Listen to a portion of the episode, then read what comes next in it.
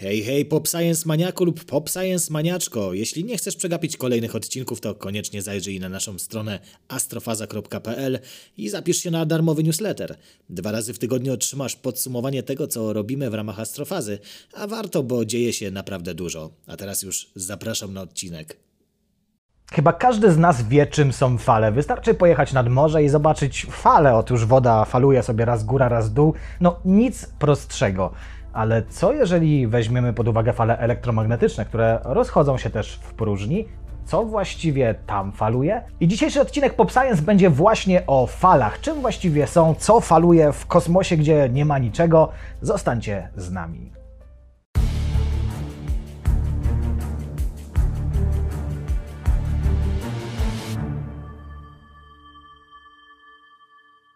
Fale. To może zacznijmy od tego, że fal nie ma. Nie wiem, czy słyszałeś.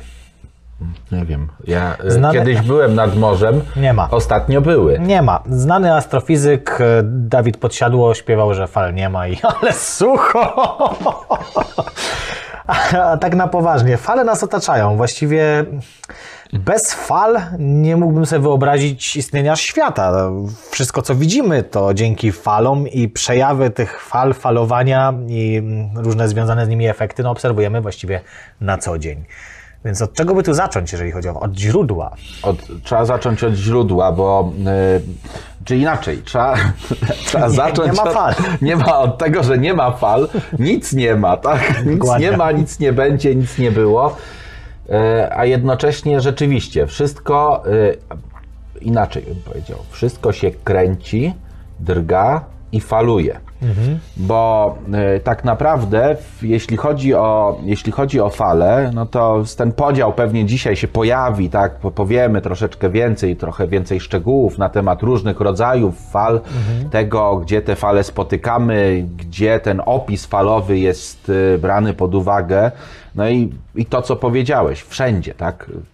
Wszystko, co nas otacza, to jest przejaw y, tego ruchu drgającego, którego szczególnym jakby elementem jest ruch obrotowy, czyli to, że, że się, wszystko się kręci, że wszystko płynie, to, że coś Pantarei. płynie, pantary.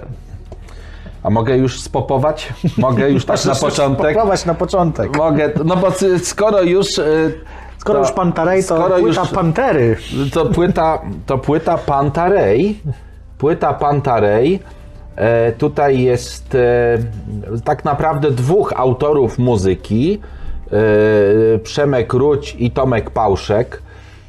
Czyli dwóch, dwóch takich wykonawców, którzy jak ktoś tylko śledzi ich e, jakby wzajemne relacje w sieci, to dochodzi do wniosku, że się nienawidzą, tak? Że nie ma fal. Tak, że nie ma fal. Między nimi zupełnie. między nimi nie ma fal, ale tu ich pogodził e, Wiktor Niedzicki, z- znakomity popularyzator Mhm. fizyki, który też dołożył na tą płytę swoje, swoje pięć groszy, bo taki fajny, fajny tekst, mm, fajny tekst e, z, e, skąd pochodzimy, tak, e, jest tutaj przez niego czytany.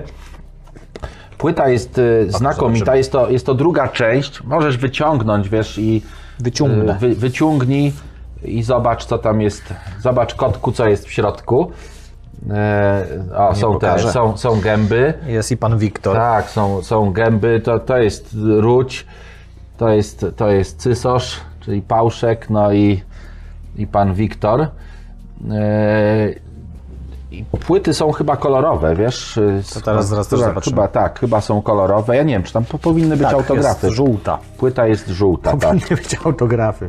No powinny być gdzieś. Taka przezroczysta, żółta. Tak. Proszę bardzo. O, widać. Ja pokażę. Widać rynkę. E, tak, więc to Pantarei, wszystko płynie. E, wszystko płonie. Wszystko Bo płonie. jak żółte, to płonie. No, nie? Dokładnie. E, nie, bardzo, bardzo sympatyczna, bardzo fajna płyta. Pierwsza część też jest. To, to jest taka, tak jak tytuł, e, taka płynąca, taka delikatna, taka, taka fajna. O, plakat jest też do płyty, ale to już tam nie będziemy. Kurczę, to aż się boję zajrzeć do drugiej komory, bo jeszcze znajdę naklejki. Znajdziesz na tak, naklejki i te.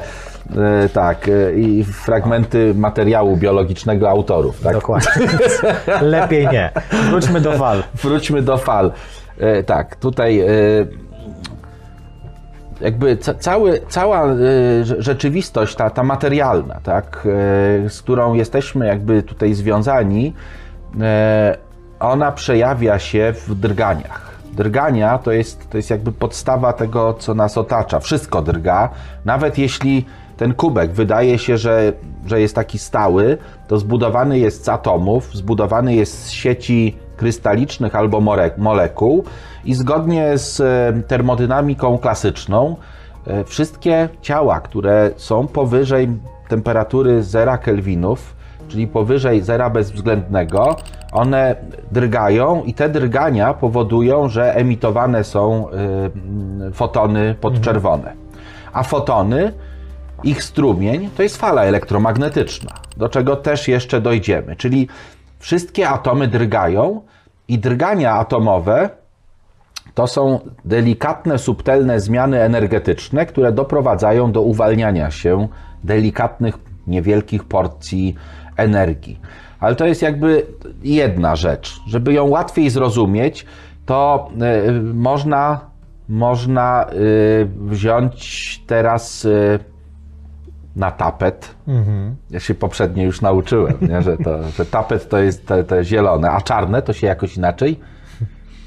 Czar tapet? Blacket. Blacket. Blanket. E, e, weźmy drgania mechaniczne. Drgania, w zasadzie drgania atomów i molekuł, no to są drgania takie właśnie atomowo-molekularne. Są też drgania mechaniczne, czyli drgania struktur już makroskopowych. I takim najpopularniejszym, y, jakby do pokazania rodzajem drgań jest, y, jest struna w gitarze. Nawet mam taką gitarę. No właśnie liczyłem na to, że tutaj, y, że weźmiesz i się pochwalisz swoją gitarą. Ale to nie jest moja nowa gitara, to jest moja stara gitara. No ale to, no, no dobrze, no stara, no. Ale faktycznie ma struny i one drgają. Tak. O właśnie, i nawet widać, Proszę zobaczyć, że struna gitary, w zależności od tego, jaka jest długa, w momencie, gdy ją, gdy ją szarpiemy, widać wyraźnie, widać, że ta struna się rozmywa. Ona tak naprawdę zaczyna drgać. I to widzimy. Natomiast co słyszymy? Ta struna jest daleko ode mnie. Tutaj między struną a mną, a tym mikrofonem, który mam wpięty, jest tylko i wyłącznie powietrze. A mimo to dźwięk powstaje, dźwięk się przenosi, dźwięk się rejestruje. Tak. Możesz teraz drgać stronami. Tak. Mogę teraz za, zadrgać tą. Widać, że ta struna rozmywa się. Tak. I to jest też dosyć ważne. Jeśli mówimy o falach, następuje rozmycie. Bo my w tym momencie, oczywiście, każdej chwili czasu możemy dokonać takiego szybkiego skanu i zobaczyć, że ta struna raz jest w jednym, raz w innym położeniu, tak? I ona tak bardzo szybko się porusza. Mhm. Natomiast z punktu widzenia naszej rozdzielczości czy rozdzielczości kamery, zobacz, że nie jest możliwe mhm. pokazanie, w którym miejscu struna jest. Ona tak. jest takim rozmytym tworem. To też nam się przyda troszeczkę później, bo ten opis drgań i opis falowy, one są y, takie dosyć konsystentne i niosą za sobą pewne, pewne jakby elementy, które y, gdy zaczniemy mówić o tych falach takich, tych, mhm. tych poważnych, tych ciekawych, czyli o falach prawdopodobieństwa, o mechanice kwantowej, to, to, to okaże się, że to, to rozmycie, tak, że ono już nie jest takie udawane jak w przypadku struny, że my po prostu widzimy taką rozmytą jakby strukturę, mhm. tylko że tam naprawdę jest to rozmycie. Że tam naprawdę nie wiemy, gdzie jest ta struna, że nie, choćbyśmy mieli nie wiadomo jaki dokładny aparat, no to to, to rozmycie będzie, będzie istniało i dopiero gdy chwycimy, no to. Ale też wtedy wszystkiego nie jesteśmy w stanie tak, wykryć. Dokładnie, dokładnie o to chodzi. To znowu ja, wasz ulubiony sprzedawca kosmicznych skuterów. Nie wierzcie w te informacje, że siedziałem w więzieniu za złą sprzedaż. Może tak, ale już jestem tutaj i mam dla was kolejny wspaniały produkt. Tę oto cudowną koszulkę Pop Science, półtora metra dika. Wow! Coś wspaniałego, coś niesamowitego. Konkurencja mówi, że nasze koszulki to szmaty. To nieprawda, dodajemy jeszcze więcej bawełny niż potrzeba. Nawet za dużo bawełny. Tak, w naszych koszulkach jest za dużo bawełny. Powiedział za dużo bawełny? Chyba tak, więc taka jest prawda, moi drodzy. Patrzcie, ten wspaniały wzór jest cudowny. Popatrzcie, jak pięknie prezentuje się na mojej piersi. Wow, cudowne, wspaniałe, wow! Zapytacie pewnie, czemu warto nosić taką koszulkę? Już wam mówię, nie zostawię was bez odpowiedzi. Dlaczego warto nosić? Po pierwsze, jest ciepła, po drugie, jest super, po trzecie, wszyscy będą wiedzieli, że lubicie pop science. Moi drodzy, już teraz, już teraz bierzcie swoją kopię, swoją wersję, swoją sztukę nowej koszulki Pop Science klasycznej kolekcji Pop Science. Nawet Astrokot powie wam, że trzeba nosić koszulki Pop Science. Tak, trzeba nosić koszulki Pop Science. Dlaczego półtora metra dika? To ulubiony tekst Leszka w Pop Science. Chodzi o to, że ma półtora metra książek Filipa Kadika na półce. Takich książek, tak. To nie jest książka Filipa Kadika, ale jest to randomowa książka. Nie, nie, nie, książka mi się nie rzuca.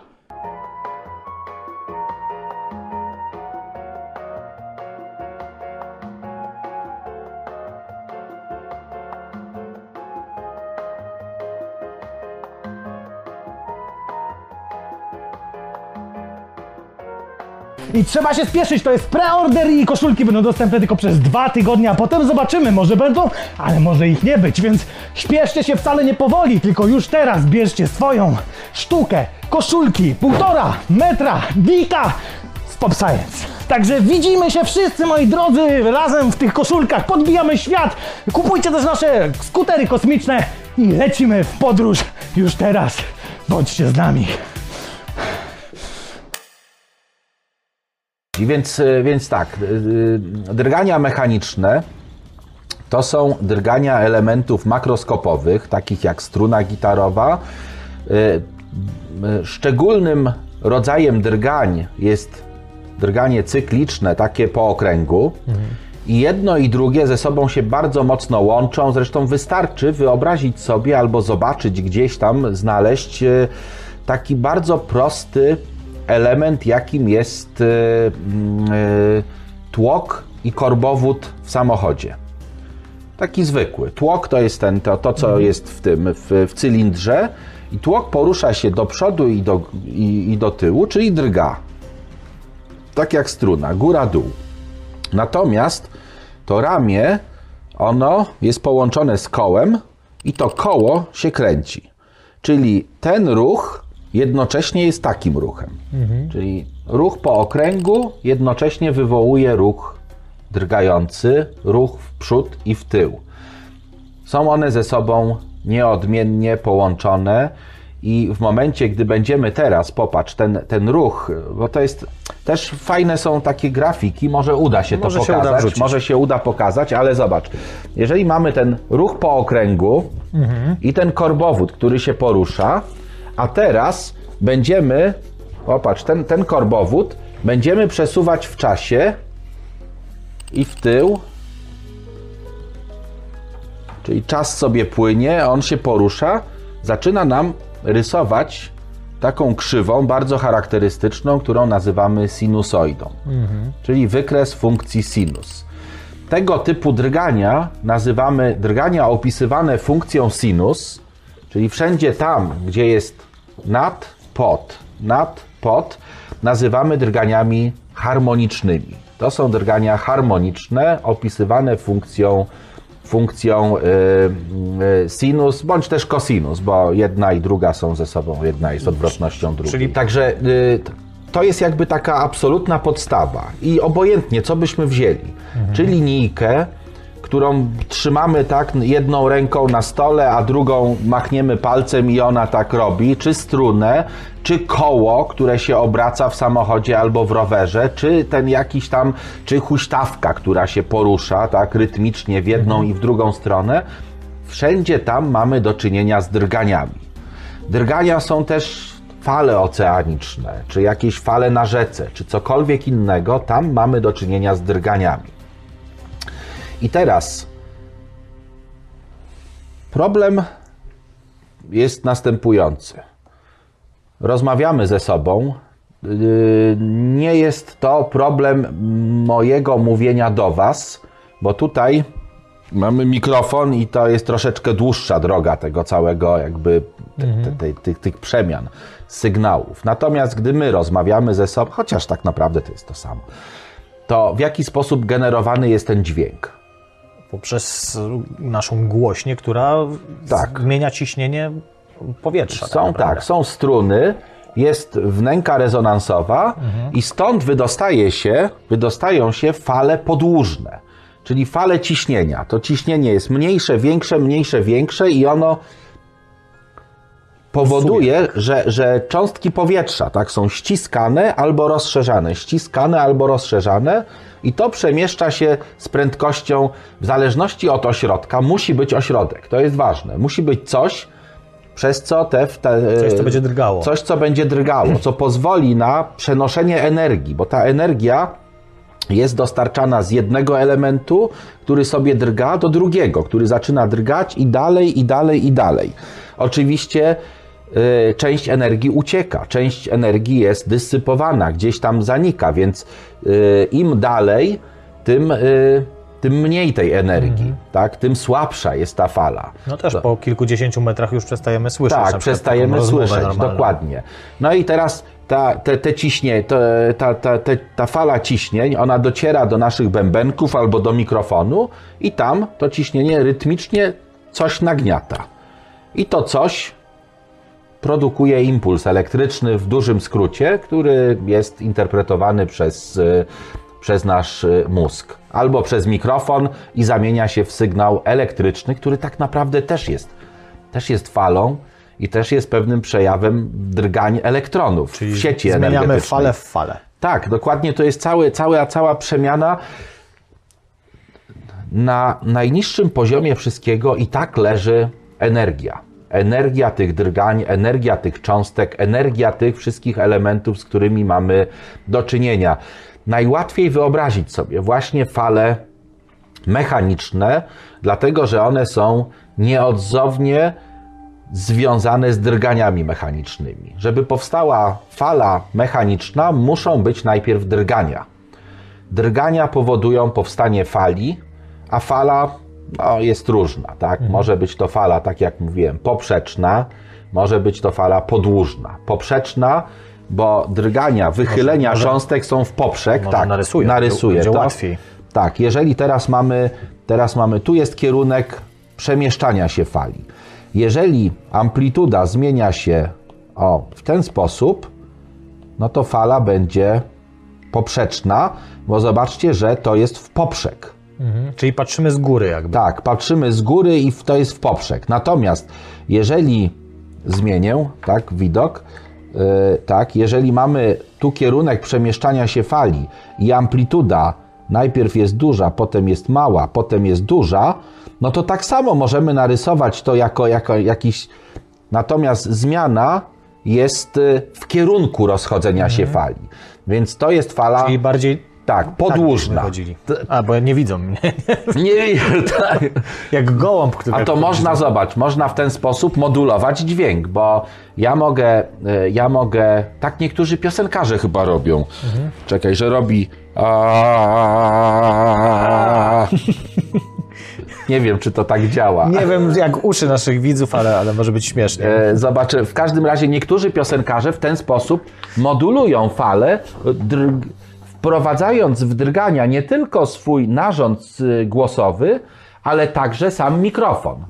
Bo e, no i teraz nie wiem, skoro już tu jesteśmy, no to teraz popatrz, do, doszliśmy do tego etapu, gdzie mamy źródło, gdzie mamy falę i gdzie ruch mikrofonu może powodować modulację tej fali, zmianę częstotliwości. A, a, a. I jeszcze efekt Jakkolwiek Dopplera. byśmy to nie odczytali.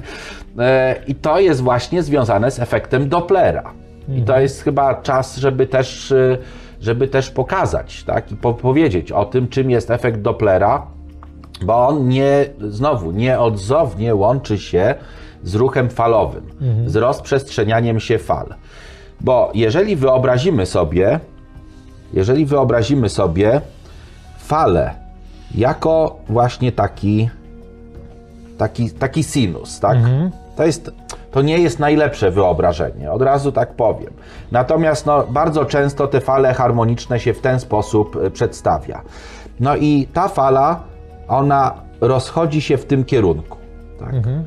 Jeżeli tutaj mamy źródło tej fali, jakiekolwiek by ono nie było, jakiś tam głośnik, tak?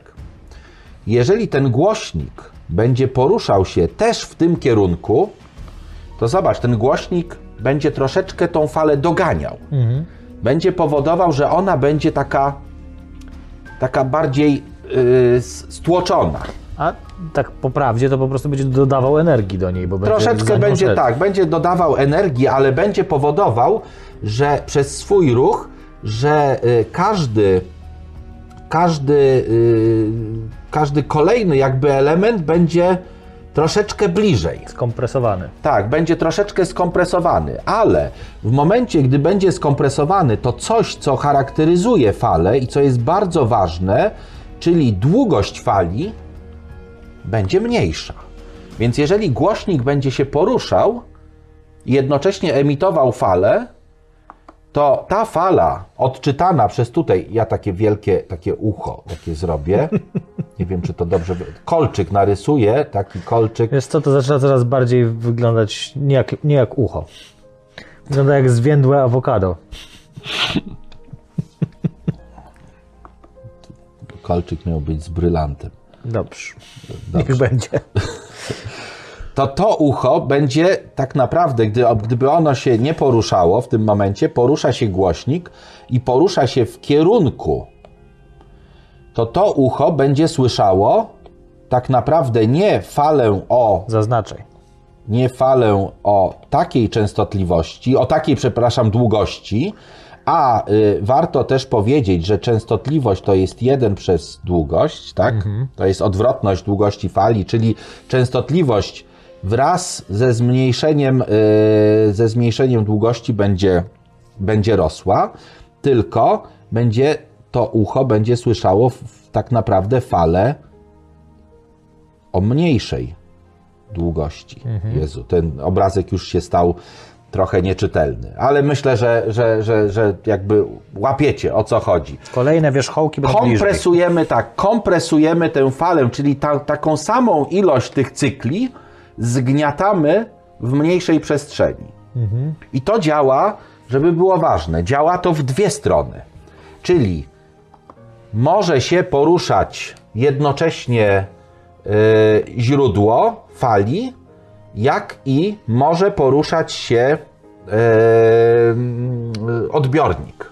Tak? Czyli, czyli y, ten element, który, który odbiera falę.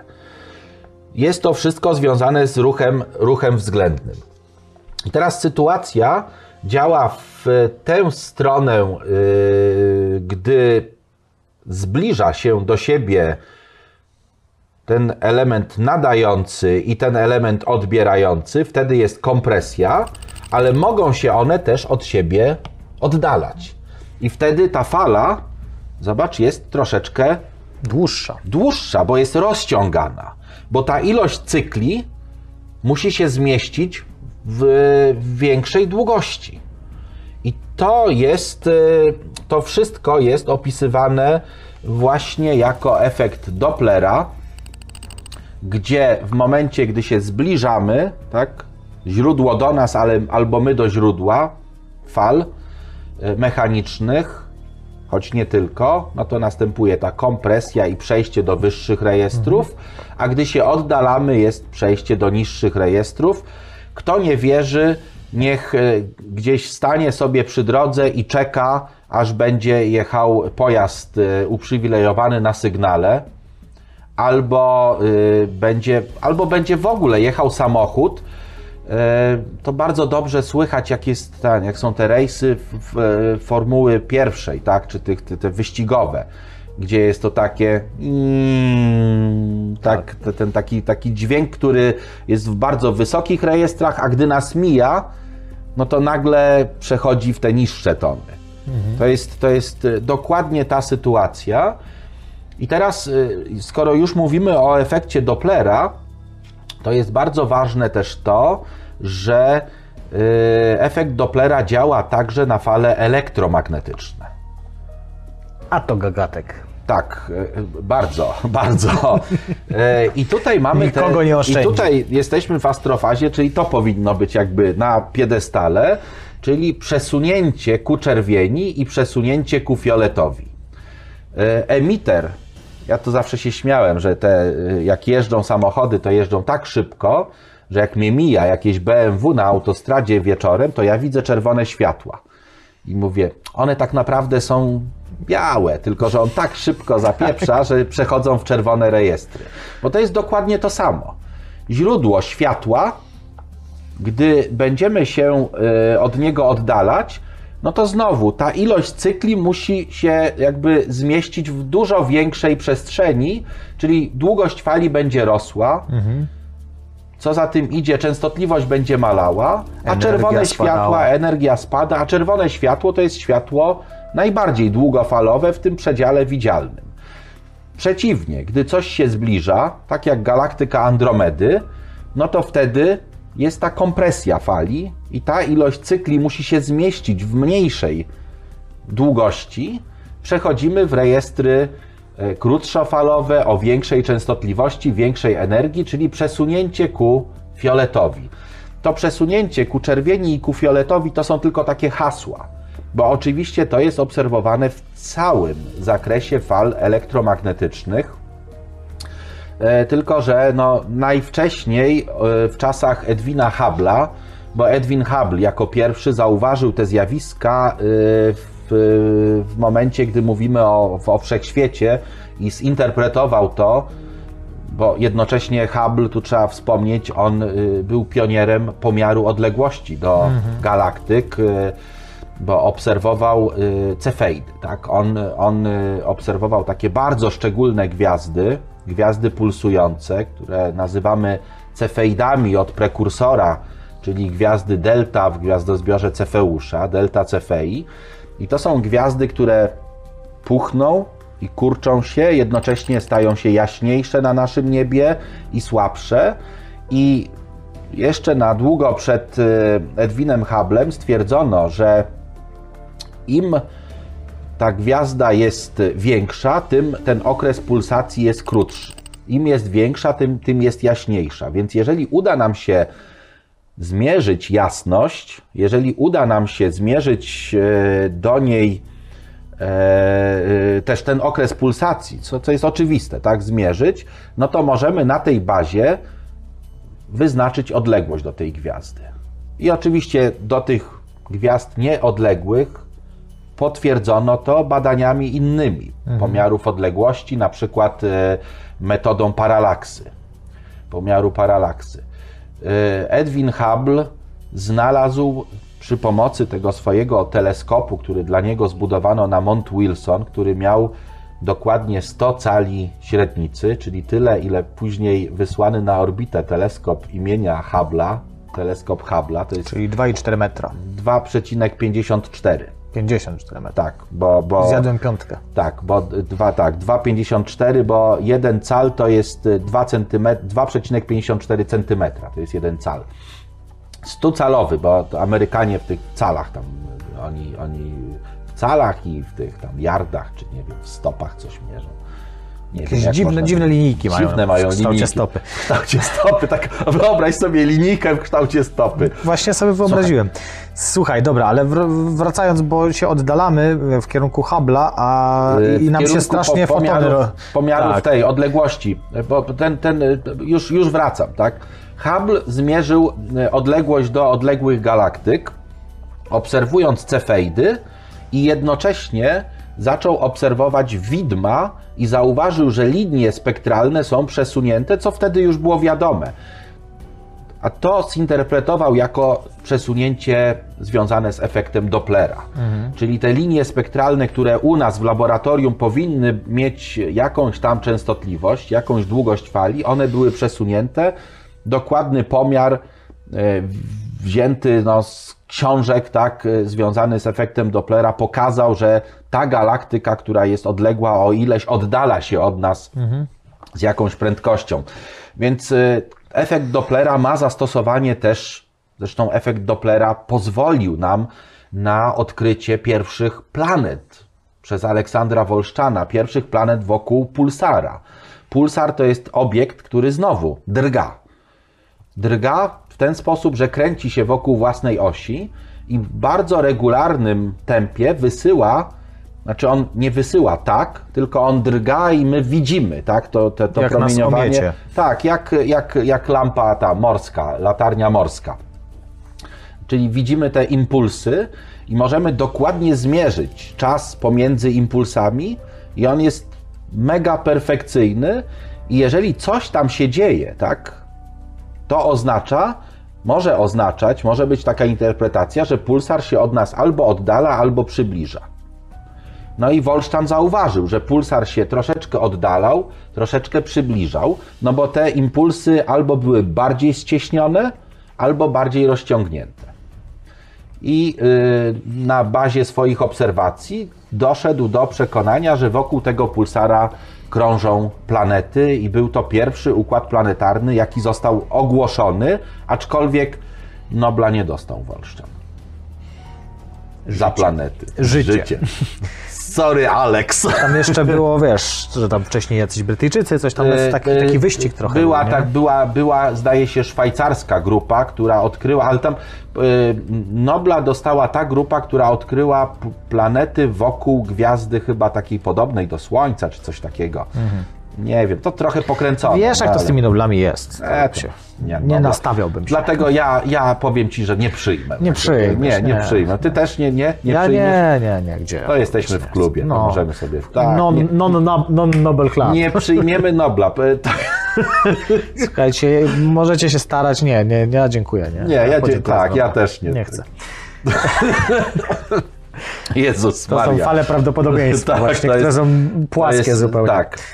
E, No dobra, No i teraz, i teraz y, skoro jesteśmy przy, byliśmy przy tych mechanicznych no właśnie.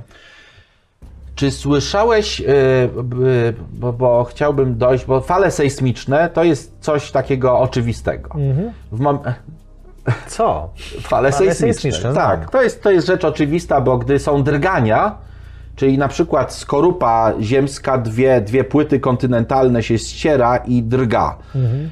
E, Możecie to wypróbować, biorąc kawałek e, styropianu i potrzeć po szybie, o szybę. Nie. Tam też drga i robi się takie...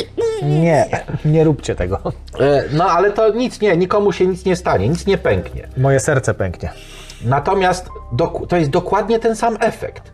Dw- dwa elementy drgają, tylko że gdy, gdy pocieramy y, tym właśnie styropianem o szybę, to powstają drgania tak szybkie, że ten dźwięk ma bardzo wysokie rejestry. To są rejestry rzędu, nie wiem, 7, 8 albo i więcej e, kiloherców.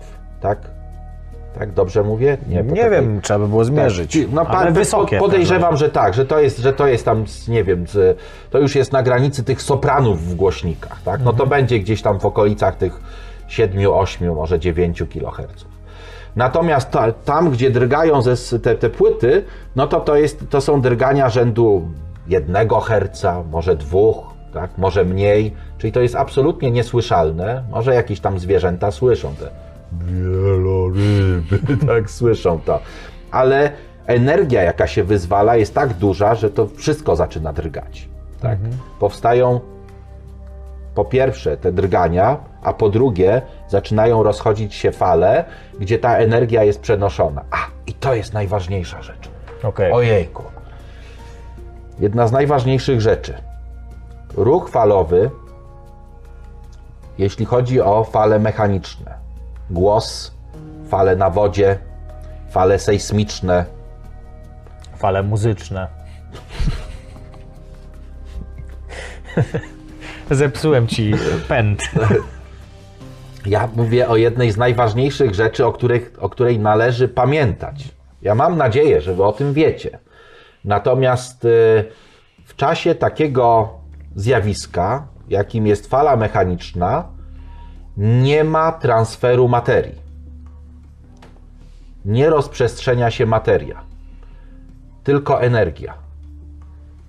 Jest drganie przenoszone na inny element, na inny, na inny. Czyli ta fala morska to nie jest tak. Oczywiście w ostatnim jakby tym tam nad, nad brzegiem, bo ktoś może, o, ale nad brzegiem tam leci, no nie? Tak, ta energia wyrzuca część wody. Natomiast na oceanie, jak jesteśmy na środku, zobaczcie, to wygląda tak. Tam żadna woda nie przepływa z jednego grzbietu, że ona spływa na dół czy coś takiego. To jest tylko i wyłącznie energia, która napędza drugi grzbiet i tak dalej, i tak dalej. Rozprzestrzenia się energia. Tak samo tutaj, zobacz, gdybym teraz wziął takiego miętuska sobie zjadł nie? i zaczął mówić, to owszem, troszeczkę tego powietrza mi ucieka, ale to nie jest tak, że to moje powietrze dociera do Twoich uszu. I to moje powietrze, tak? No bo gdybym głośno krzyknął, to 20 metrów dalej mnie ktoś usłyszy. Słuchajcie, zanim to powietrze tam dotrze, to my już zdążymy przeczytać pół pana Tadeusza. A dźwięk dociera z prędkością w powietrzu około 300 metrów na sekundę. Tak, tak, to, tak to wygląda. Więc to jest ważne. Gdy mamy do czynienia z falą mechaniczną, nie rozchodzi się materia, tylko rozchodzi się, to jest zaburzenie w materii. Czyli rozchodzi się tak naprawdę energia w postaci drgań. Te dr- drgania pobudzają To kiedyś pokazywaliśmy Tak. też, jak kręciłeś kubkiem, nie? I to też pokazywało, jak zbudowana jest troszeczkę ta cała ciecz Tak. w środku, nie? Że ona nie kręciła się razem z kubkiem, tylko zostawała, bo Ona po prostu nie część- została ona część- napędzona. Tak, częściowo jest, jest napędzana, więc to jest, to jest dosyć ważne. I te fale sejsmiczne to jest też ta energia, która uwalnia się w momencie tego drgnięcia, tego takiego o, obsmyknięcia się tych, e, tych e, dwóch obszarów gdzieś tam w ziemi, albo jest to energia wyzwolona jakimś wybuchem, tak? gdzieś tam. E, Ona właśnie pod postacią takiego, takiego zaburzenia się, się rozchodzi. To jest, to jest dosyć istotne, to jest, to jest ważna sprawa. Ale ja do czegoś innego tutaj. Słyszałeś, słyszałeś o czymś, co nazywa się Gravity Waves. Po, sam po angielsku. Nigdy nie słyszałem o czymś takim. No ale, ale czym są te?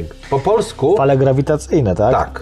No tutaj też masz zaburzenia, ale tyle, że w czasoprzestrzeni całej, a nie w... e, I tutaj Materii. I mam cię. Masz mnie. Mam cię. Okej.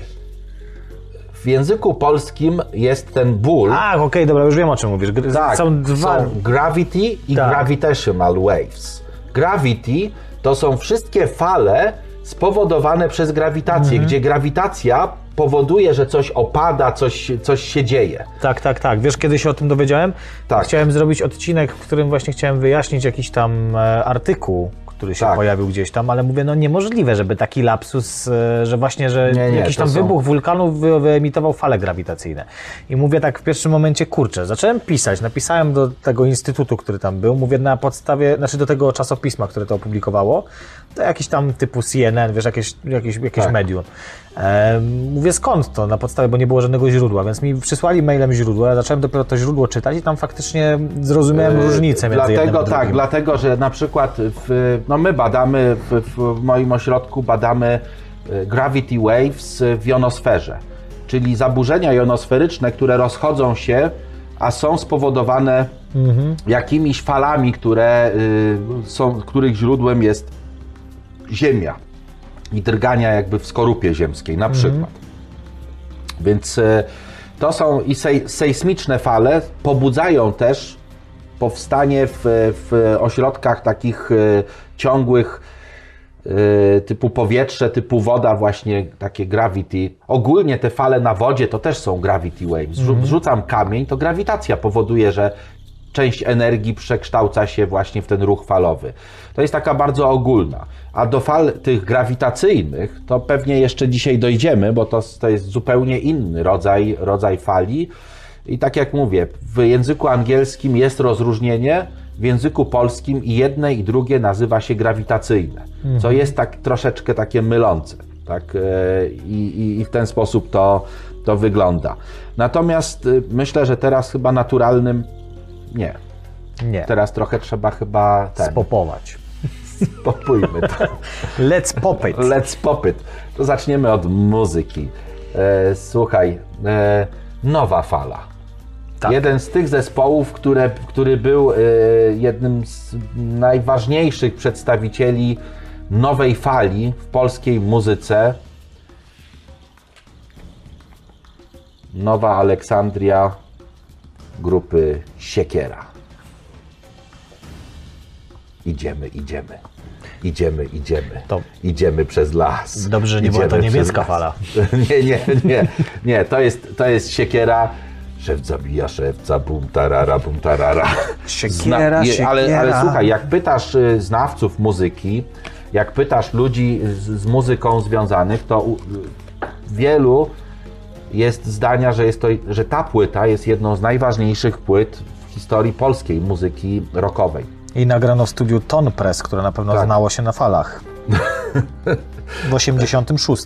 No, muzyki to dzisiaj powinniśmy, wiesz co, ja od razu przejdę, Jezu, razu do przejdź. takiego, bo, bo muzyka... Jak już poszła siekiera, to teraz Jak już poszła siekiera, to teraz trzeba po Za ciosem. iść za ciosem i coś takiego, że klękajcie narody. Frank Sinatra. I to ultimatywny Frank Sinatra. Ultimatywny. Frank Sinatra jest po prostu.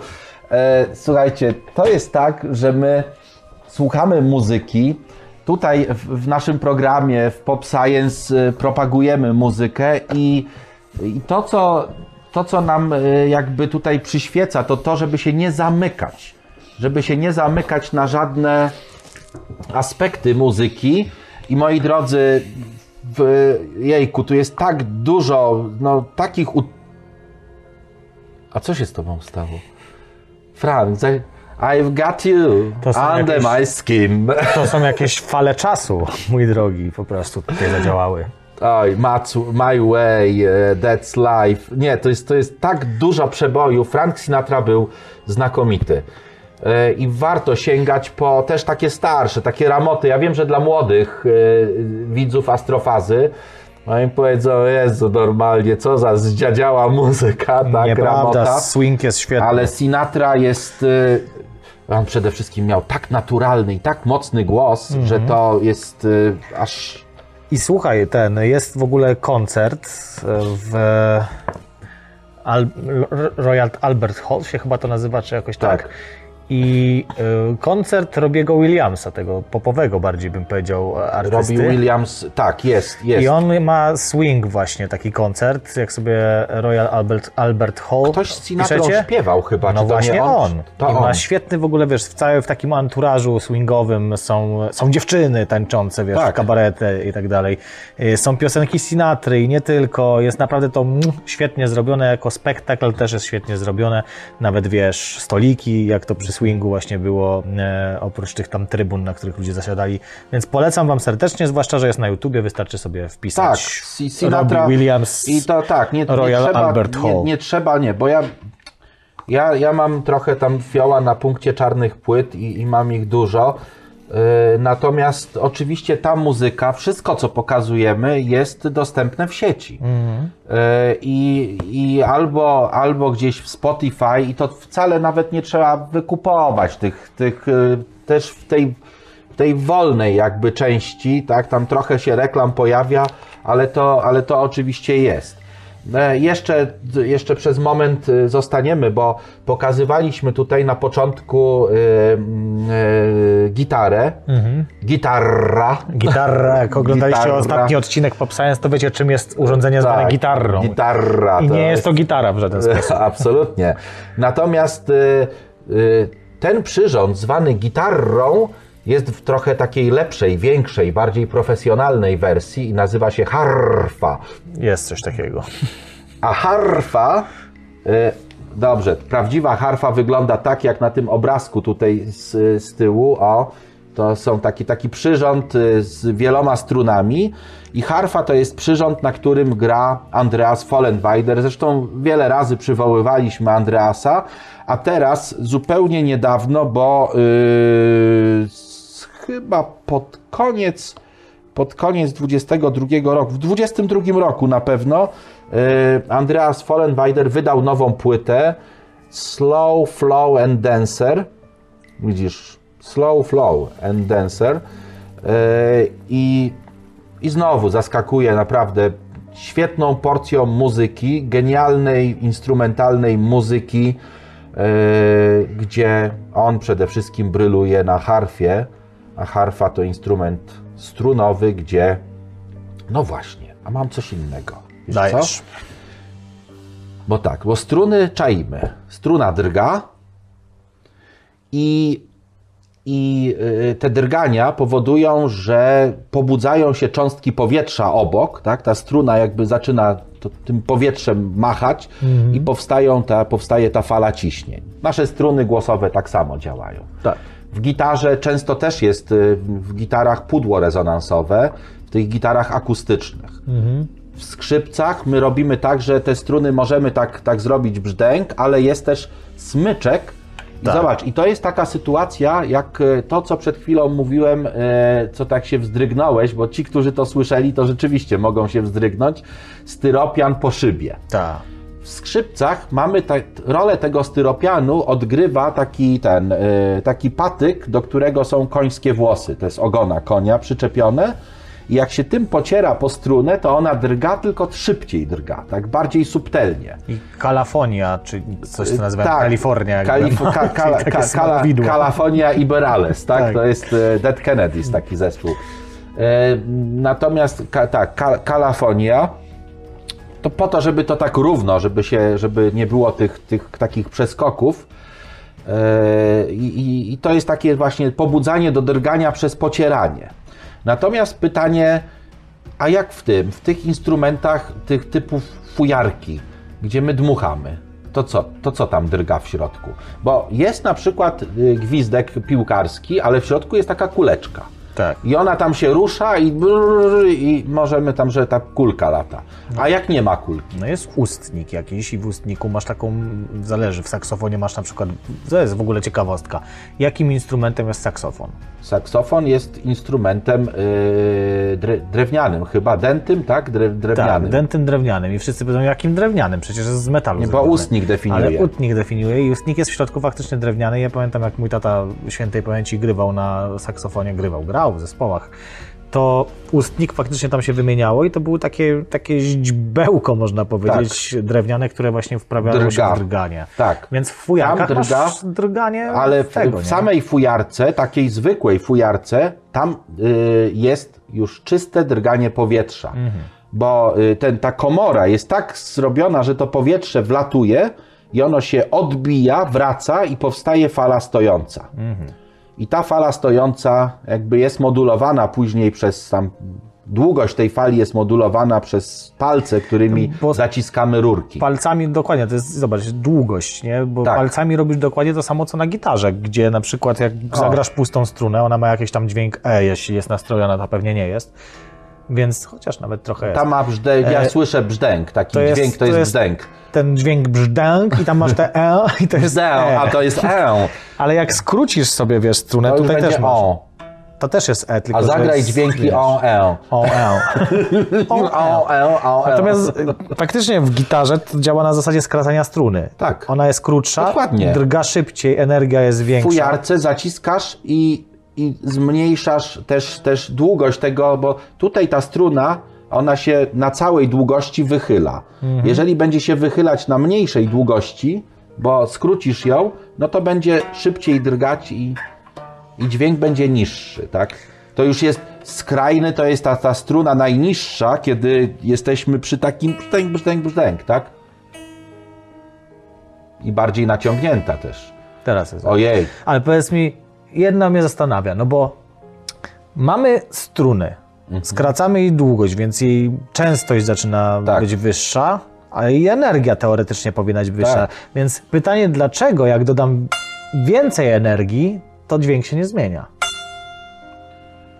Bo jest y, ten, jest tylko jakby ograniczony zakres drgań. Energia jest związana z amplitudą drgań. Amplituda jest ograniczona. My możemy do pewnego stopnia, ale nie rozciągniesz tej struny tak, żeby z taką samą prędkością drgała na nieograniczonym obszarze. Czyli zwiększa się głośność po Tak. prostu w tym momencie. E, Natomiast jeszcze skoro instrumenty i te drgania, to też y, na pewno, na pewno, popatrzcie, najzwyklejsze cymbałki. Uderzamy w kawałeczek blaszki albo tam drewienka, tak, to przy, przy te, te z drewnem to się nazywają inaczej, takie profesjonalne. Ksylofon chyba. Ksylofon, tak. Jeszcze jest odmiana ksylofonu, że są takie rurki rezonansowe, że jeszcze dodatkowo tam ten dźwięk jest taki y, głębszy i, i bardziej Klaksofon. klaksofon. E, e, Są to, co jest, nie mam żadnej płyty, ale Sławek Wierzchowski, Wierzchowski czy Wierzchow, Wierzcholski? Kuźwa, jak on się nazywa? No, Nocna Zmiana Bluesa. On gra na harmonijce ustnej. E, I te harmonijki ustne, ostatnio byłem na koncercie i grał na najmniejszej harmonijce, taka malutka. Piccololo. Tak. W harmonijce ustnej są też takie, każda z tych dziurek prowadzi do blaszki, takiej, która drga i która ma różne rozmiary i tak naprawdę dmuchając te blaszki wprawiamy w, w drgania. Więc tutaj wszędzie są te drgania. I dopiero drganie powoduje, że ta fala akustyczna jest odpowiedniej długości, odpowiednią ma energię, odpowiednią częstotliwość, co za tym idzie. Jeśli długość ma, to częstotliwość, tak? Jedno jest, jedno jest Powiązane. proporcjonalne do drugiego.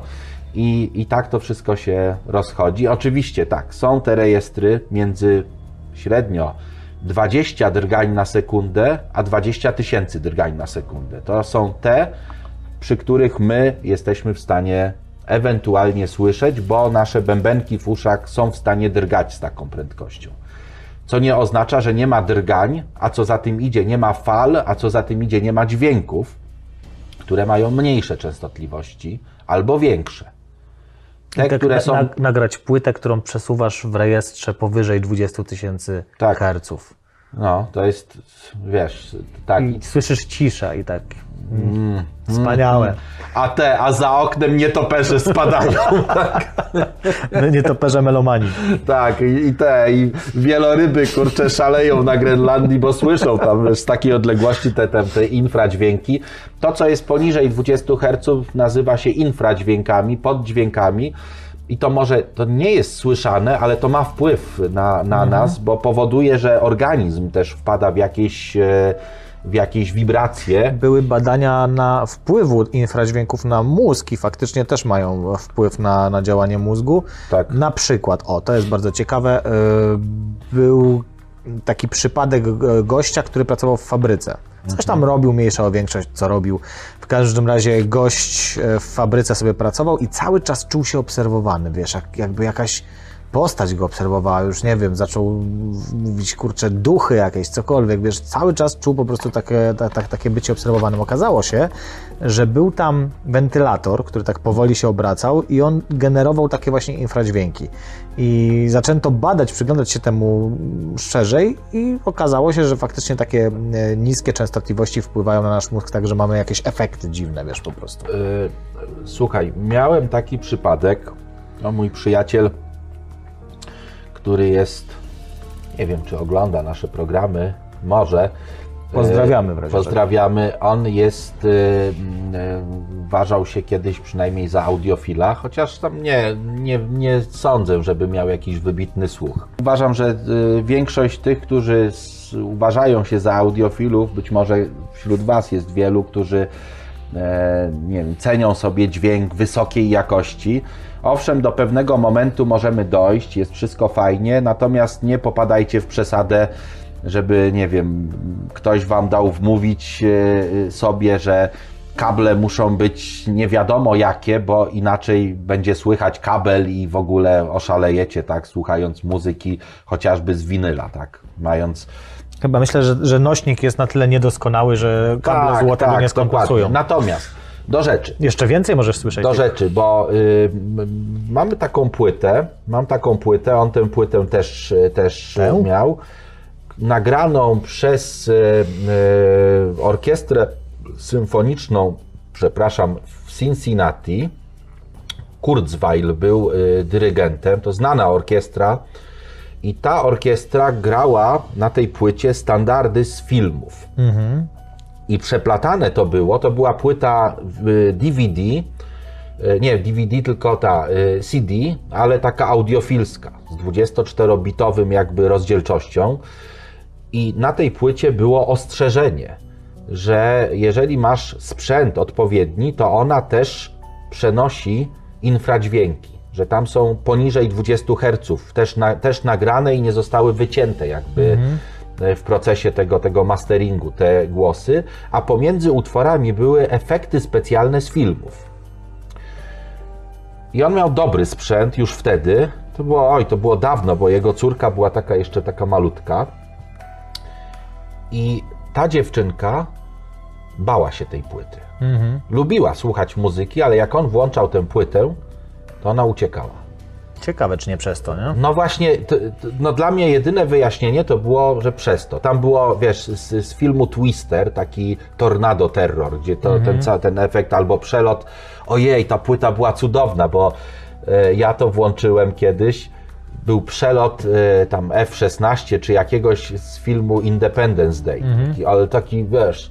Jak, jak rozkręciłem, sąsiad wyszedł na balkon i patrzył, czy coś nie leci. Znaczy wiesz, może po prostu to hałas też był, ale mogły A być też start, faktycznie a, I na tej płycie jest fenomenalnie też y, nagrany z filmu Apollo 13 start y, rakiety Saturn. Z tym odliczaniem i z tym hukiem. Że Hmm. To jest się- ta płyta? Nie, nie, nie, nie, to nie jest ta. To, to ja, ja to mam na, na CD, przywiozę, tak, żeby pokazać. E, y, na CD. Genialna płyta, jeszcze raz mówię, Cincinnati Pop Orchestra zdaje się, Kurzweil y, i to, i to nie pamiętam tytułu. Ale te, te efekty specjalne są naprawdę świetne, genialne. Jak rakieta startuje, to jest taki, że ona się oddala, a potem słychać drganie płomienia, takie, t- taki, taki, takie, takie furczenie płomienia, że samo drganie już tej końcówki płomienia na rakiety jest, jest słyszalne. No genialna płyta. A nie, ta to jest, skoro już o tym mówimy, to jest, e, no wziąłem ją, bo nazywa się Wavelength, długość fali. Ale zobacz, spójrz na to dziecko, czy tam kobietę młodą, nie wiem kto to jest. W każdym No. razie zobacz, jak jest rozmyte, jak fala prawdopodobieństwa dosłownie, Tak. nie? To jest, to jest muzyka do filmu Waveland, y, napisana przez Tangerine Dream. Y, Zresztą no, no jest, to, jest to jakaś tam, y, jakaś tam y, fantastyka, tak? Jest to, no, tu pewnie nie widać zbyt dobrze, ale... Chyba nie widziałem tego, Ale pokaż. z, wiesz co, ja kiedyś z ciekawości e, obejrzałem, e, ale wiesz, powiem Ci tak, niewiele pamiętam. Płyty czasami słucham, bo Tangerine Dream to jest, to jest dobry, dobry zespół. Tu widać kadry, chyba jakiś czarno-biały chyba film. Albo zdjęcia Czarno-biała okładka. Wavelength, ale to co, o jakichś kosmitach jest? Co to jest? Wiesz co, to jest o jakichś właśnie, to jest o jakichś e, przybyszach, tak, z kosmosu. No tak, masz side one Alien Voices, Tak, tak. Desert Drive, Mojave. I teraz, I teraz wiesz co, bo, bo y, przeszliśmy do tego, że fale, te fale mechaniczne mogą być, e, mogą być poza rejestrami, czy, czyli te drgania mogą być tak wolne i fale mogą być tak długie, że mają one 1 Hz, czyli drganie o takie mniej więcej, tak? I zobacz, ta ręka, ona drga teraz. Mniej więcej raz na sekundę, tak? Odtąd dotąd to jest tak. Czy słychać to? Nie słychać. Ale gdybyś miał możliwość, To bym usłyszał. to byś usłyszał, tak? Takie, takie, taki jednohercowy dźwięk, choć nam jest trudno to sobie wyobrazić. No od tak jak 20 Hz słyszymy, tak? Czyli mniej więcej. coś tam już, coś tam już zaczyna być Wiesz co, y, słychać, nie? Tak. Trzeba to zmierzyć, nie? Po, powiem ci, że y, moje te skojarzenia i ze, ze, z tym, ze słyszeniem y, takich drgań. Y, y. Zresztą wiesz, my jesteśmy już w wieku, gdzie 20 to już pewnie nie nie słyszymy. brnijmy w te tematy. I w takie machanie rękami i jakiekolwiek inne trzepotanie skrzydeł ptaka. Ale zobacz, tak, te, te takie kolibry albo jakieś takie szybkie, a, a, a zobacz komar. bzz, Tak, to już wkurza. jest drganie skrzydeł takie, tak szybkie, że powoduje powstanie takiej częstotliwości na poziomie już około tysiąca, tysiąca herców. Czyli on tysiąc razy na sekundę drga skrzydłami.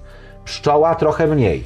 Czmiel jeszcze, brrr, tak, to jest tam, nie wiem, 100, 120 może drgań na sekundę, ale też bardzo szybko. Także jak patrzymy na, na pszczołę, no to te skrzydła nam się w oczach tak y, jakoś tam rozmywają. Tak to właśnie ręka wygląda. też. Ręka też nam się i coś tam może, może y, by, byłoby słychać, ale są drgania, które są znacznie wolniejsze, te infradźwięki. Wyobrażasz sobie drgania, które trwają jedno drgnięcie wiele lat?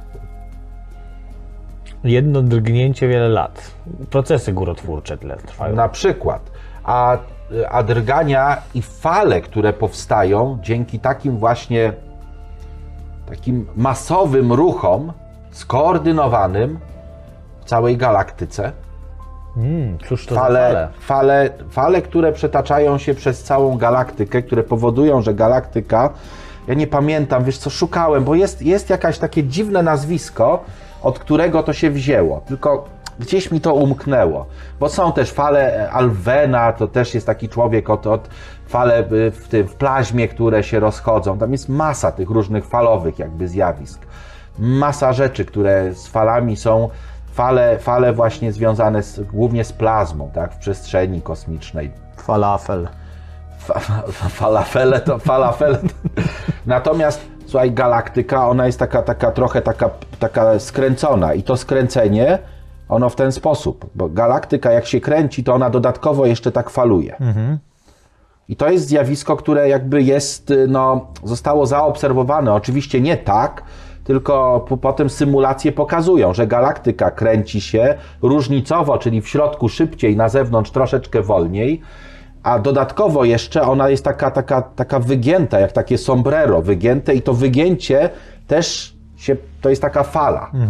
To jest tak jak fala, o, mam jedno, jedną, jedną świetną rzecz, która y, teraz wpadłem na to, jak doskonale zilustrowany jest fakt, o którym mówiłem, że jest najważniejszy w falach mechanicznych, że nie przesuwa się w czasie, gdy fala biegnie, nie przesuwa się materia, że nie ma transferu materii w fali.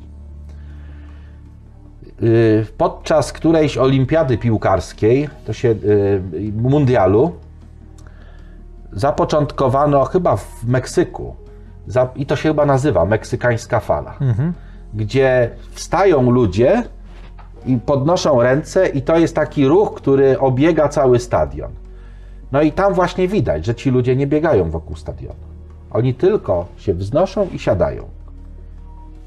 Ta energia tego ruchu i energia z tej, tej chęci, tak, y, zapoczątkowania takiego procesu powoduje, że wielokrotnie ten stadion, taka fala obiega. No dobra, ale jakby tak sobie spojrzeć na to, no to tutaj wstają ludzie, takie poszczególne, zautonomizowane, że tak, powiem, jednostki, Te które atomy, podnoszą tak, atomy. atomy, cząstki materii, A cokolwiek. co sprawia w takim razie, jak mamy falę na wodzie, że ta sobie idzie i później kolejna idzie do tej amplitudy i kolejna, i kolejna, i kolejna? W sensie, czy to jest ta energia, która przekazuje jedna drugiej? Tak. E, To jest ta energia, którą przekazuje jedna drugiej, przekazuje, są różne procesy. Czyli co, ciągnie ją za sobą do góry? No, mniej, mniej więcej tak. To się dzieje na poziomie już y, cząsteczek, na poziomie poszczególnych cząsteczek. Wibracje samej cząsteczki przekazywane są do innej.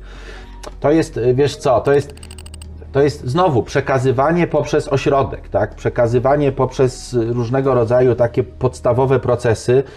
Y, To też jest bardzo fajnie pokazane, jak drgania się przenoszą przez powietrze, e, y, gdy mamy, jest przede wszystkim, żeby fala się mogła rozchodzić, musi być, musi następować zjawisko rezonansu. Rezonans jest wtedy, gdy mamy dwa obiekty drgające, których częstotliwość, mówi się częstotliwość własna, tak? czyli ta podstawowa częstotliwość drgań jest taka sama. Wtedy, jeżeli mamy ośrodek tak zwany ciągły, który może przez różne zaburzenia przekazać energię, to y, następuje też przekazanie drgań. z jednego ośrodka do drugiego. I te właśnie cząsteczki drgają i przekazują te drgania innym cząsteczkom, bo te mają taką samą częstotliwość. Tak właśnie rozchodzi się fala. To są procesy, które no, z naszego punktu widzenia dosyć szybko zachodzą. Natomiast no, fala sama, no to wiadomo. No bo właśnie do czego dążę? Ale- Jak mamy wodę no. w, w oceanie, w morzu, Tak. w jeziorze, w wannie, cokolwiek, nie? I ona zaczyna falować nam, prawda? Ta, tak jak mówisz, materia się nie przenosi, przenosi się energia. Tak. Unosi się do góry, w dół, do góry, w dół. Z naszej perspektywy widzimy, jakby coś płynęło, ale to złudzenie optyczne.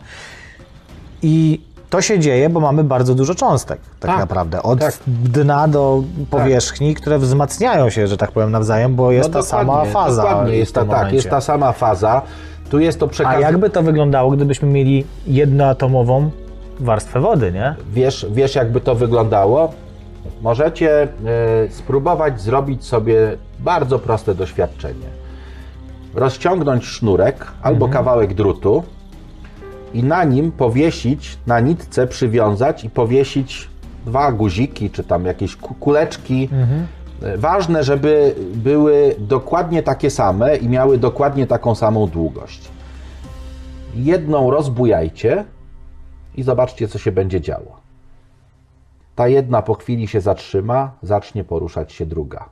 I ta druga się po chwili zatrzyma, zacznie poruszać się pierwsza. Jest kilka tego typu właśnie yy, takich prostych eksperymentów. Widzisz, trochę żałuję, bo mógłbym tutaj wziąć dwa kamertony. Mam takie kamertony z pudłami rezonansowymi. Pobudzamy do drgań. Kamerton to jest takie, takie, taka, No takie dobra. widełki, tak, które zaczynają drgać. O danej częstotliwości. Mają daną częstotliwość, są tak skonstruowane, że, że drgają w pewnym rytmie. Jeżeli mamy dwa takie same kamertony jeden uruchomimy, czyli młoteczkiem uderzymy, to po chwili, gdy go chwycimy, nagle okaże się, że ten drugi drga. Czyli jakimś cudem przekazane zostały te drgania właśnie przez powietrze.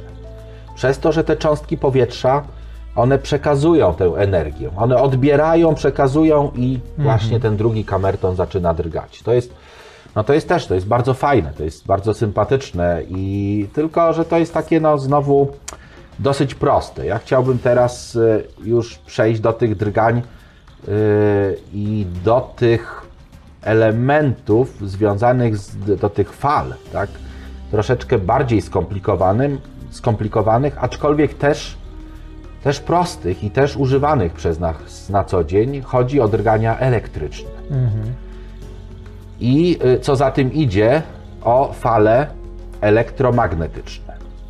No i tutaj sprawa taka. A, zanim do tego przejdziemy, spopójmy trochę. Tak. Bo ja mówiłem o tej galaktyce, a to jest Klaus Dollinger. I popatrz, to wygląda jak galaktyka, nie? Płyta nazywa się Constellation. To wygląda trochę jak galaktyka. Ale co to jest? Nie wiem. To takie są różne Dziwne, antenki, geometryczne. różne tak. Na niebie są kwadraty i trójkąty. Taką piosenkę kiedyś czy w radiu słyszałem. Tak, to też Dawid Podsiadło, ten co mówił, że nie ma fal. I on na niebie widzi trójkąty i kwadraty. Coś tam było. On jest e, zdrowy? Nie wiem, to już trzeba by Dawida zapytać. Myślę, że o, pff, może być.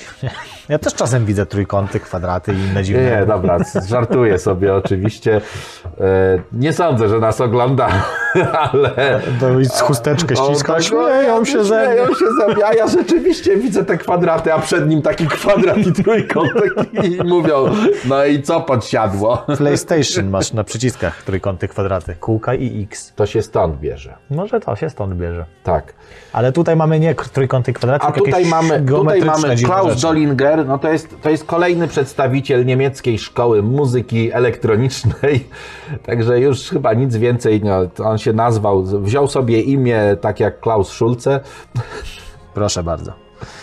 chociaż też nie jest młodym człowiekiem, nie, jak nie wiem, chyba Dollinger to już, już też nie żyje z tego co, ale nie, nie chcę go uśmiercać, nie, nie, bo potem się okaże, że, że rzeczywiście, że żył tak długo, aż nie usłyszał, że gdzieś tam powiedzieli w astrofazie. Nie, to podobno wtedy sprawia, że, że jeszcze dłużej, więc A, nie, to nie, może dobrze, dobrze, dobrze. może powinniśmy o każdym tak mówić. E, tak, ja, to też y, chciałbym, żeby tak jak z tym, z Sinatrą, żebyście nie zamykali się i czasami, czasami traficie na jakąś płytę dziwną, tak?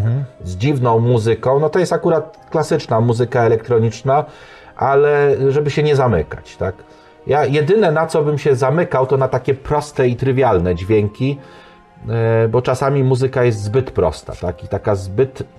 y, Więc to, to nie jest kwestia prostoty, to jest kwestia przekazu, myślę. Myślę, że czegoś, myślę, że czegoś bardziej nie, nie, Nie, ale też nie, bo, bo teraz popatrz, bo skoro już do tego mówimy dzisiaj o falach i dużo o muzyce, We, we, weź na przykład Kenji Kawai, który gra muzykę z tradycyjnymi bębnami japońskimi. A. Ona jest przeprosta, bym powiedział no, wręcz. no nie, dlatego wiesz, ale ma w sobie jakiś taki ulotny przekaz, który sprawia, że to, to nie, nie musi być ale skomplikowany nie. jazz, wiesz, nie? wiesz, to jest, nie, nie, bo to, to jest właśnie muzyka, która jest, k- przy której y, czasami trzeba się zastanowić, pomyśleć, a czasami jest taka Może nie, może nie prostacka po prostu, No nie dobra, prosta, nie? chcę, O, chcę, powiedzieć, w- chcę powiedzieć wprost, że nie ma co zamykać się nawet na takie doświadczenia, które nazywają się Italo Disco czy Disco Polo.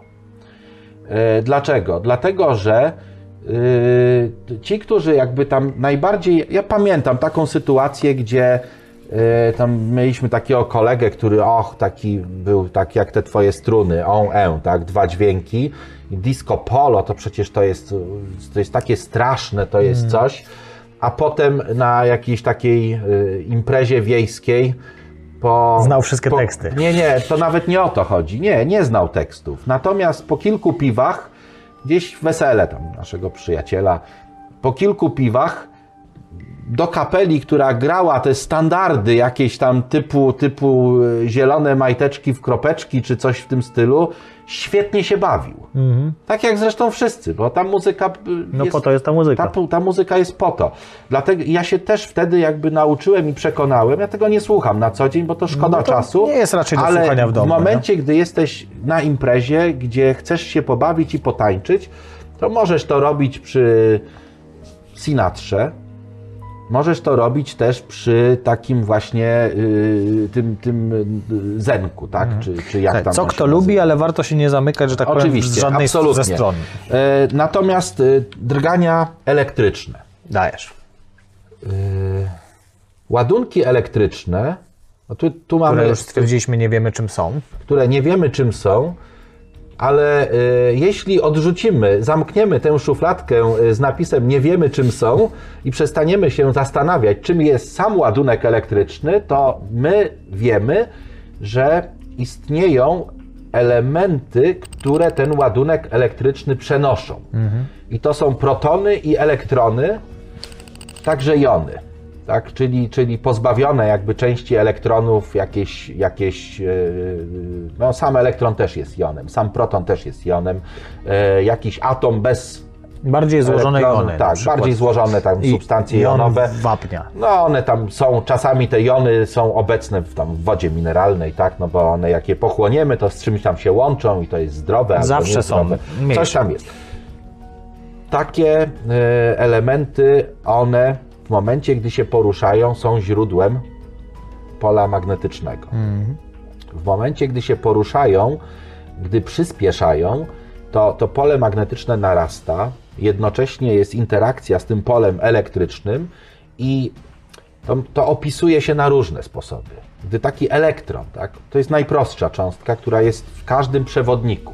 Wszędzie tam, gdzie, gdzie e, mamy do czynienia z płynącym prądem elektrycznym.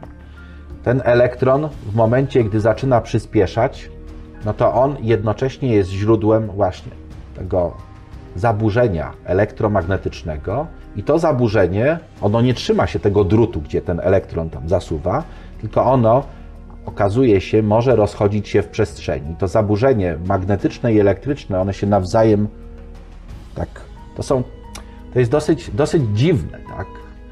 E, Bo, bo mamy, mamy to, te, te wzajemnie napędzające się jakby elementy, tą składową elektryczną i magnetyczną. Tam nie ma nic. Tam nie ma żadnej masy, tam nie ma żadnej cząstki. Aczkolwiek opisujemy to jako cząstkę energii. To jest, to jest taka czysta energia będąca zaburzeniem elektryczności i magnetyzmu. Czyli pól. Czyli pól elektrycznego i magnetycznego, one nawzajem się przeplatają, jedno tworzy drugie i tak rozchodzą się w przestrzeni z prędkością światła. To zaburzenie opisujemy też jako strumień fotonów, czyli strumień y, kwantów energii, nie cząstek. To nie są cząstki, one nie mają masy. To nie są kulki To strzelające. są, to, są, to są bozony pośredniczące, ale to są, to są przede wszystkim fotony. Y, Fotony, czyli, e, czyli kwanty energii, których energia jest związana z ich częstotliwością. A częstotliwość jest związana z długością fali. Czyli popatrz, mamy niby, niby jakiś tam element, tak? niby taki kwant, czyli wyobrażamy to sobie jako taką, taką cząstkę jakąś, choć, choć nie jest to cząstka, zobacz, Jezu, ja e, aż, aż dziwnie się o tym mówi. Jest to, jest to taki, taki cosiek zamknięty w przestrzeni, który pędzi z prędkością światła, a jednocześnie możemy to opisać jako takie dwa sinusoidalne zaburzenia, których częstotliwość jest związana z energią tego, tego cośka. To jest kwant energii, to jest fala elektry- elektromagnetyczna, to się rozchodzi z prędkością światła. Tak naprawdę kwant energii, rozchodzi się energia, ta fala jest czystą energią. Znowu, nie ma przemieszczania żadnej materii. Jest przemieszczanie tylko zaburzenia elektromagnetycznego. Przy czym tutaj mamy już takie bardzo szczególne zaburzenie. Jest dokładnie to samo. Im dalej, tym słabiej, tym mniejsza energia.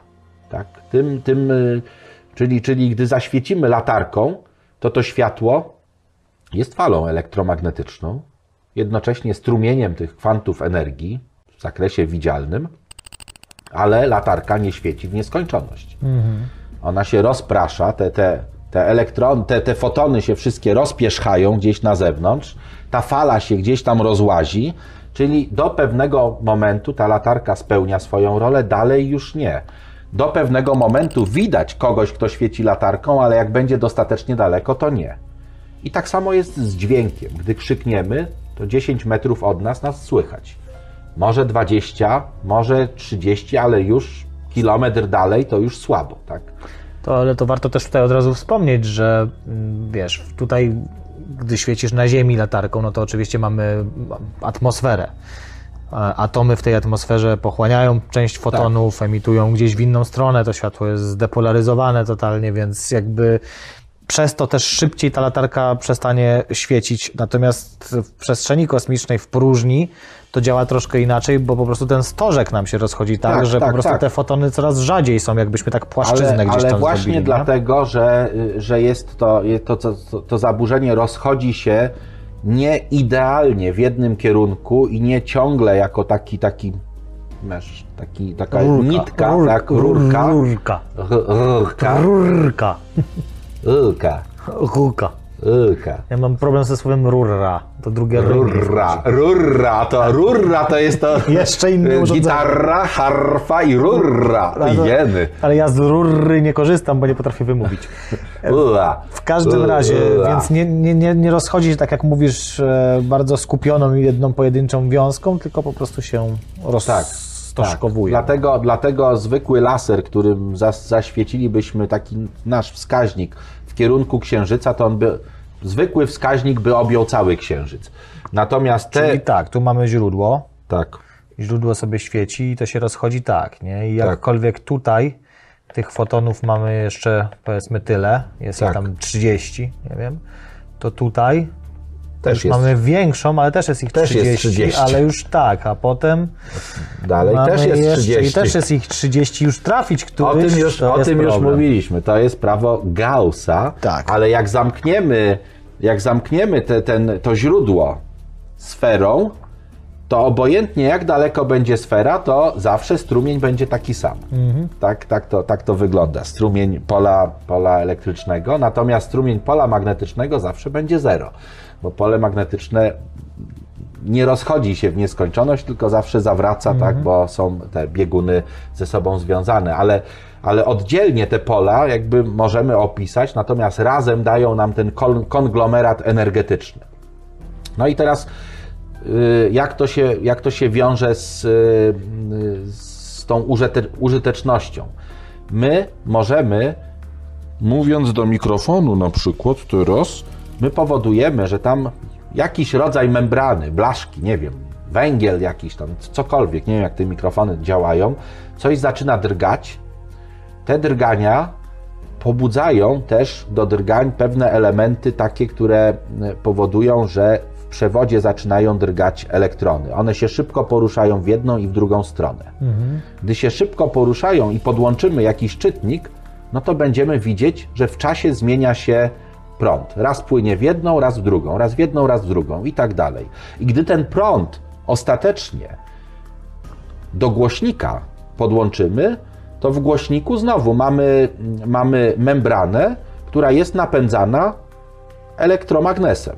I ta membrana, ten prąd, który się zmienia, tak jak ta falka, on Prze- zaczyna na być drgania. przekłada na drgania, a te drgania dokładnie w naszą stronę zaburzają tutaj przestrzeń Ale to i zobacz, powodują, to że słyszymy. warto też wrócić do tego instrumentu, bo jakkolwiek to, że szarpnąc strunę my coś słyszymy, czyli tak jak powiedziałeś napędza powietrze, to sama gitara elektryczna działa inaczej, bo tu mamy przetworniki. Przetworniki. I one zbierają właśnie pole magnetyczne, które gdzieś tutaj przy drganiu tej struny, raz bliżej, raz dalej, jest dlatego mocniejsze, słabsze. W Nie? gitarze elektrycznej struny muszą być metalowe. A w gitarach na przykład klasycznych, jak Są- zrobić, żeby nagłośnić gitarę klasyczną? No są te, są, y, jest pudło rezonansowe. No tak, ale możesz mieć mikrofon na przykład, ale są też takie akustyczne gitary, A, z wkładką które są taką. tak. Tylko mm, chodzi o to, że przy tych akustycznych masz też po prostu, wiesz, jakiś pick-up, nie? Ale są mostki tak zwane piezoelektryczne, Ach, no tak. gdzie drgania struny naciskają na jakiś element, który No, wywołuje najczęściej jest to kwarc, najczęściej jest O. to kryształ kwarcu piezoelektryczny, gdzie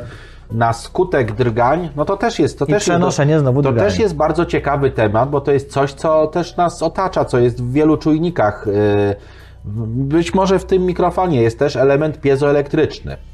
Piezoelektryk to jest taki element, y, tak jak mówiłem, najczęściej y, jest to kwarc, który ma taką cechę, że jak, jak ulega odkształceniu mechanicznemu, to tam jest y, separacja ładunków elektrycznych i powstaje impuls elektryczny. I w momencie, gdy zaczyna drgać, to ten impuls elektryczny się uwalnia. Ale piezoelektryk działa też w drugą stronę. Jak podłączymy do niego prąd elektryczny, to ten prąd powoduje polaryzację tych elementów w środku i on zaczyna się Drgać. ro- drgać. Tak? I y, to jest w dwie strony to działa. Więc y, jeżeli dobrze skonstruujemy, mogę? Jasne. Piezoelektryk. Czekaj, e, tak, obojętnie jak to, bo ja to, to ja, ja potrafię do góry nogami rysować. E, to jest najczęściej o tak, on jest tak skonstruowany, jak, jak kamerton. Jeżeli tutaj podłączymy prąd elektryczny, to to zaczyna, to zaczyna wibrować i jak tutaj będą kabelki, tak? Tu podłączamy kabelkami prąd, to zaczyna wibrować. Tutaj kabelki, y, ten, ten prąd sczytują i dostajemy Fale. drganie. I jak to zamkniemy wszystko w takim pudełeczku, no to dostajemy rezonator. Okazuje się, że tutaj na przykład y, 66,6 kHz, tak? Nie, to nie jest, to, to nie jest to nie jest śmieszne. Y, 66 600 Hz to jest, y, to jest jeden z takich podstawowych elementów w komputerach. Możecie zobaczyć takie srebrne, No y, bo to są narzędzia bestii, proste. No.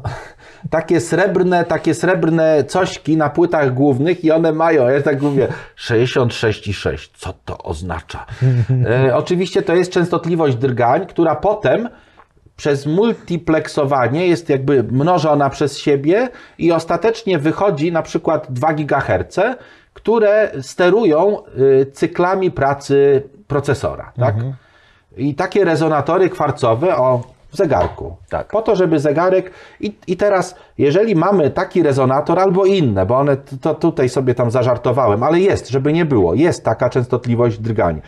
E, Natomiast e, tutaj wystarczy, że mamy baterię, że mamy rezonator kwarcowy i wiemy, ile razy on drga na sekundę. I wystarczy tylko taki drobny mikrokontroler, który będzie nam liczył. Na przykład te 66600 i on tak liczy. Raz, dwa, trzy, cztery, 66600 sekunda. 66600 sekunda. I w ten sposób te drgania piezoelektryka budują nam czas. I w ten Więc można gra- i grać na gitarze i się, jeszcze się nie spóźnić na koncert na przykład Dokładnie tak to wygląda. Dokładnie tak. Jakie jeszcze fale? Proponuję, proponuję, żeby w tym momencie falę książek, e, Dobrze. fala książek zalała nasze umysły i intelekta. Tak, umywam się falami książek. Tak, e, więc tak, troszeczkę będzie tak. Jedna nieskromna rzecz, e, ale zaczniemy od, e, od rzeczy i od książki, która, Skromnej. e, która jest e, najnowszym e, dziełem nieżyjącego, zmarłego e, niedawno Feliksa Kresa.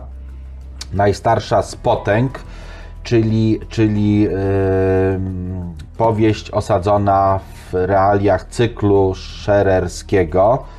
E, Szerń e, to, to, i, i alert, te, te przeciwstawne jakby potęgi wiszące nad światem, które powodują, jak ten świat jest zbudowany. No i, e, i znakomity świat, znakomite postaci i, i przedstawienie tego świata, on jest tak bliski nam, tam tej magii nie ma za dużo. No, występują jakieś elementy magiczne, bo to jest fantasy, natomiast, y, natomiast Felix Kres miał to do siebie, że pisał tak plastycznie, tak, y, tak fenomenalnie, że z przyjemnością się te książki czyta. Z tego co wiem, to jest ostatnia z książek, którą udało mu się zredagować i jakby doprowadzić do końca. Napisał jeszcze chyba połowę jeszcze y, te, y, książki, która miała zamknąć zupełnie cykl. Być może zostanie to kiedyś wydane. No póki co niestety autora nie ma już wśród żywych. Y, To akurat wydanie to jest takie wydanie kolekcjonerskie. Tego przykro mi, ale nie dostaniecie. Natomiast jedno z wydawnictw jedno z wydawnictw y, wydaje to ma w masowej takiej wersji. To jest chyba, poczekaj, y, fabryka książek, fabryka Słów chyba. słów. Fabryka słów. Trochę takie okładki są inne. A to wydanie akurat wychodziło cały cykl, wyszedł w, tylko w 100 egzemplarzach. I tylko 100 osób, które nabyły te, ten początek, y, kontynuuje to. Ja jestem jedną z nich. Niestety ta książka, wszystkie pozostałe mam z autografami, ta już bez autografu, wydana pośmiertnie. E, Chciałbym Waszej uwadze też e, e, polecić książkę, która jest antologią polskiej fantastyki naukowej za rok 2022. Nazywa się Ku Gwiazdom i to jest, to jest pokłosie konkursu, którym miałem przyjemność być e, jurorem. Mm, Przeczy, przeczytałem naprawdę dużo, znaczy to i tak nie wszystkie opowiadania, bo najpierw byli tacy mm, czytacze, którzy czytali wszystko, a dla jurorów, e, dla ekspertów, mm. niam, niam, dla ekspertów zostawili tylko kilkadziesiąt opowiadań, Czyli wstępnie przebrane. wstępnie już były przebrane, natomiast e, tutaj znalazło się, żeby, żeby nie skłamać, e, nie wiem, 2, 4, 6, 8, 10, 12, 14, 16 opowiadań. 16 opowiadań, natomiast tu na końcu, nie wiem czy to dobrze widać, e, jest e, felieton, o który mnie poproszono. SETI Wielka Przygoda Radioastronomii. Czyli, Kosmity. czyli to, o czym tutaj tak naprawdę rozmawialiśmy, nie musicie tego kupować, bo tylko sięgnijcie do któregoś tam z, z odcinków wcześniejszych. My o SETI sporo mówimy i będziemy jeszcze mówić o SETI. Zresztą jest cała nowa seria UFO Quadrans, gdzie Tak. naukowo rozmawiamy o tych rzeczach, tak żeby potem nie mówili, że nauka się nie interesuje i wszystko od razu Dokładnie, neguje. dokładnie tak Nieprawda. jest. Natomiast opowiadania, a tu jest jeszcze ten e, Piotr, Piotr Cholewa, e, znakomity też, e, znakomity autor. Także warto, warto, tym bardziej, że patron, patronat to jest i Delta i Młody Technik, Proszę bardzo, młody technik to znam nawet. tak? No. Teraz to już jest stary technik. Stary on, technik, on tak. kiedyś był młody, Stary, teraz młody jest stary. technik. E, Ale słuchaj, tam naprawdę można czasami fajne artykuły przeczytać. Arkadii i Borys Strugatcy. Mhm. To jest, e, to jest absolutny, absolutnie duet y, pisarski, bracia, którzy no, podnieśli fantastykę naukową na, na wyżyny. Można powiedzieć, Polska miała swojego Lema, a, a Związek Sowiecki miał y, braci Strugackich, którzy zresztą, żeby też nie było, tak, no teraz żyjemy w takich jakby trudnych czasach, kiedy nie oddziela się za bardzo y, sztuki od polityki i trochę na tym cierpi też świat, no bo wielu autorów, którzy, którym przyszło umrzeć już dawno temu, a teraz są wyklinani za to, co, co robią jacyś tam... To chyba nie za bardzo lubili system, nie? Nie, nie, oni byli antysystemowi, ale z jednej ale z drugiej strony byli przez system ubóstwiani, bo było wiadomo, że oni są ubóstwiani za granicą. W Związku Radzieckim też byli ubóstwiani, byli no, na poziomie takich, takich guru, takich, e, wiesz, do nich dostęp nie był za łatwy. E, Fale tłumią wiatr. Czy wiesz, to Mówimy o to, falach. To wynika z tego też, że się nie oddziela autora od dzieła, nie najczęściej. Tak, to, tak. To jest problem. Dlatego, dlatego wiesz, troszeczkę. Ja wiem, że niektórzy autorzy tam różnie to było. Yy, Fakt, że są teraz i na, nawet y, wiesz co, słyszałem, y, ten odcinek będzie gdzieś w połowie stycznia pewnie, tak? Coś takiego. Będziemy to, będziemy widoczni, ale yy, wielu autorów, wiele, wielu ludzi interesujących się fantastyką napisało i, i podpisało list absolutnego protestu do organizatorów y, Światowego Kongresu Fantastyki, bo mieli czelność zaprosić jednego z y, autorów, nie powiem, dobrych autorów rosyjskich, ale człowieka, który absolutnie opowiedział się po stronie, po stronie tego reżimu putinowskiego i po stronie jakby pochwały, nie wiem, zajmowania innego kraju od tak sobie. No i, i to tak dziwnie wygląda, ale nie, my, No tak, ale tu za, zapraszają już autora, a nie jego dzieło, nie? tak, jakby- tak. więc- Natomiast ci, ci, tych już nie ma. Nie? Wśród żywych są ich dzieła, które są naprawdę fenomenalnie napisane. No, Dostaliście tuż- tuż- Stalkera chociażby dzięki Tak. temu, że Strugacy napisali to Tak, jowo. no piknik na skraju drogi, tak, to jego pokłosiem są stalkerzy, których y, y, jakby stal, stalker, no to jest tak gra, seria książkowa i tak dalej.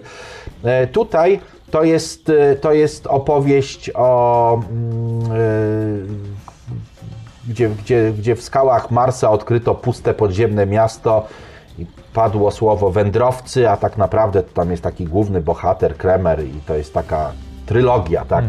Trylogia Przenicowany Świat i, I fale tłumią wiatr. i Fale tłumią wiatr i Ślimak na zboczu. Tam. Zboczony ślimak. Zboczony Zboczony ślimak. Taki chodzi z jęzorem na wierzchu i, Już dyszy. wiesz, już wiesz, o czym będzie następne twoje opowiadanie. Dobra, wróćmy do fal, bo zaraz, Dobrze. bo już była fala książek, ale nie przesadzajmy. Nie Zostawmy coś przesadzajmy, na koniec. bo to będzie tsunami książek. Dokładnie, a tego byśmy nie chcieli. E, wróćmy do fal, bo rozmawialiśmy o falach mechanicznych, akustycznych, o falach elektrycznych, ale są też te takie dziwniejsze fale, bym powiedział. W tym odcinku dodatkowym dla wspierających i patronów porozmawiamy o grawitacyjnych falach. Tak, A teraz może trochę o falach tak. prawdopodobieństwa, o falach kwantowych, o tych takich najdziwniejszych z To ja bym, ja bym zaczął od, od, y, wiesz co, od tego, co w latach dwudziestych y, przedstawił, y, zanim wrócimy, tak, do, y, to w latach dwudziestych niejaki De Broglie przedstawił swoją pracę, w której zaproponował, y, aby materia, którą no, wtedy jeszcze już nie wiedziano, jak to traktować, ale aby przypisać poruszającej się materii też właściwości falowe, bo on wyszedł z założenia, wtedy już odkryto foton, wtedy już Einstein już e, u, ładnych paręnaście lat wcześniej właśnie opisał zjawisko fotoelektryczne. gdzie dla, tego dla zrozumienia tego zjawiska potrzebny był kwant energii, który powoduje, że tam te elektrony są wytrącane, że zaczyna płynąć prąd, tak, bo te elektrony zaczynają się gromadzić. I De Broglie pokazał, że skoro y, fala elektromagnetyczna może być opisywana jako strumień kwantów energii, to dlaczego nie opisać strumienia cząstek, cząstek materialnych jako fali? I wprowadził falę, której długość będzie opisywana jako odwrotność pędu. Pęd, przypomnę dla niezorientowanych, chociaż mam nadzieję, że takich tutaj nie ma. Pęd to jest masa razy prędkość. Masa jest niezmiennicza, więc prędkość tak naprawdę ma tutaj znaczenie. A pęd jest pochodną energii. Natomiast yy, w liczniku znajduje się stała planka. Czyli długość fali to jest stała planka przez pęd. Po prostu. Jeden z najprostszych wzorów, jakie, jakie można sobie wymyśleć. No i ta jego praca była bardzo błyskotliwa, aczkolwiek na początku nie znalazła uznania, aż do czasu, kiedy zaczęto prowadzić eksperymenty, kiedy to zaczęto. I tutaj muszę, muszę yy, o jednej, jedną rzecz narysować. Proszę cię bardzo. Tak, jeśli, jeśli, jeśli, mo, jeśli Nie można.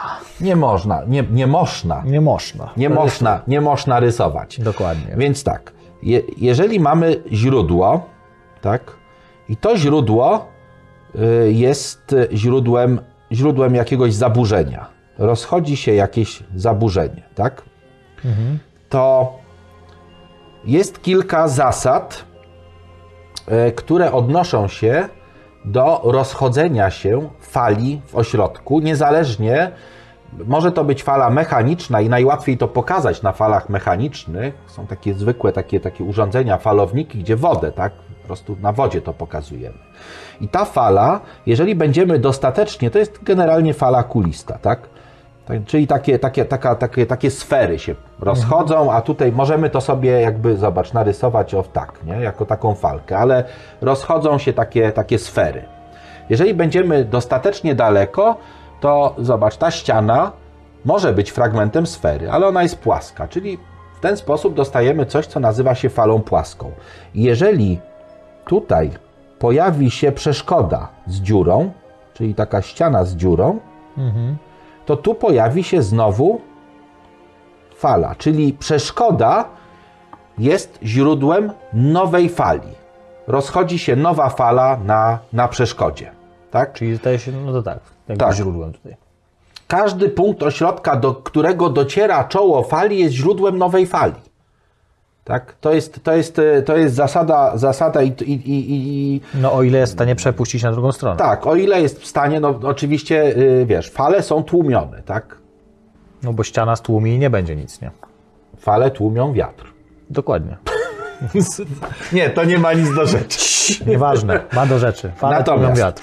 i teraz tak, i teraz y, zobacz, to z tego wychodzi jeszcze jedna rzecz. Y, na brzegach różnych ośrodków zachodzi zjawisko dyfrakcji fali, czyli ugięcia. To zjawisko możemy zaobserwować na przykład w momencie, gdy jest wysoki mur, taki mur. Za murem stoi ktoś, a my krzyczymy. Czy ten dźwięk dotrze do tego kogoś za murem? Oczywiście, że tak. A w jaki sposób?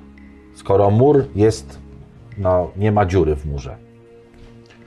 Dotrze w ten sposób, że jeżeli tutaj my jesteśmy i tak hop, hop krzyczymy, to normalnie ta fala powinna tutaj jakby wszędzie się rozejść, ale nie za ten mur, tak? Bo ten mur jest, on ją tłumi. Natomiast tutaj następuje ugięcie fali. Ugięcie fali i ta fala rozchodzi się też w tą stronę i jak tutaj jest ktoś, kto stoi, ma duże uszy i słucha, to ta fala do tego ucha dociera. To był plastuś. No tak, to jest plastuś, tak. I fala w ten sposób się ugina. Następuje, następuje dyfrakcja fali. To jest jedno. Następuje też to, co tutaj pokazałem, tak? Następuje też właśnie yy, powstanie, zasada Huygensa mówi, że w każdym tutaj punkcie powstaje czoło nowej fali. Tak? Czyli jak mamy w ścianie dziurę, to tam ta fala zaczyna się rozchodzić. Ale jest jeszcze jedna rzecz, że jeżeli mamy dwie fale, czyli mamy powiedzmy tak, źródło fali i teraz będziemy mieli Dwie dziurki. dwie dziurki, to w każdej powstanie nowa fala, tak? I zobacz, i w pewnych miejscach, w pewnych miejscach te fale będą się wzajemnie wzmacniać, tak? A w pewnych będą się wygaszać. Bo jeśli mamy dwie fale i one będą w fazie, to będą się wzajemnie wzmacniać. Natomiast jeśli mamy dwie fale i one będą w przeciwfazie, no to będą się wygaszać. Tak? Zresztą tak działają słuchawki, które odcinają Tak. nam dźwięki aktywne, aktywne słuchawki, które, które słuchają, co jest na zewnątrz, i wszystkie te elementy, które mają właśnie taką harmoniczną, jakby, czyli jakieś szumy, jakieś nawet odkurzacz, jak włączymy cokolwiek, to one automatycznie Mhm. wygaszają nam to przez. y, To są, to są takie, takie, takie urządzenia. Co też pokazuje, dlaczego gorzej sobie radzą na przykład z odgłosami w knajpie, jak siedzi się w restauracji czy w kawiarni, a dobrze Tak. właśnie z wentylatorem. I teraz zobacz, jeżeli tutaj byśmy ustawili jakiś, y, jakiś rodzaj ekranu, to na tym ekranie zanotujemy, że głównym, głównym elementem, który tu dotrze, to będzie element, który będzie na środku. Tak? I potem gdzieś tu, i tu, i tu, i tu. Nie na wprost tych dziur, tylko na środku. Bo wynika to z tego, że właśnie, że tak rozchodzą się te y, wzmocnione, te y, właśnie fali. te wzmocnione fragmenty fali, natomiast do tych miejsc dojdą te, które się wzajemnie wygaszą. Tak? Oczywiście zobacz, że tutaj jest różna odległość. Ta odległość tego ekranu od tego właśnie miejsca, gdzie są te dwie dziury, odgrywa ważną rolę. To zjawisko nazywa się zjawiskiem interferencji fal. No i w momencie, gdy mamy fale, czy to mechaniczne na wodzie, bo możemy taką zafalować falę, zrobić coś z dwiema dziurami i to zaobserwować.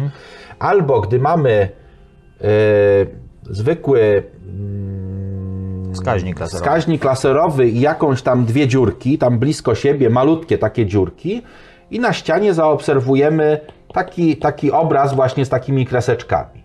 Tak, to są takie typowe, fajne zjawiska.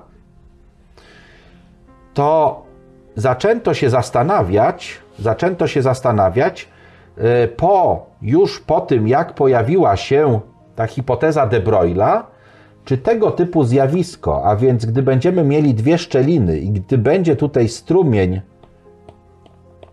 elektronów, tak? Czy ten obraz, który tutaj powstanie, czy to będzie obraz taki klasyczny?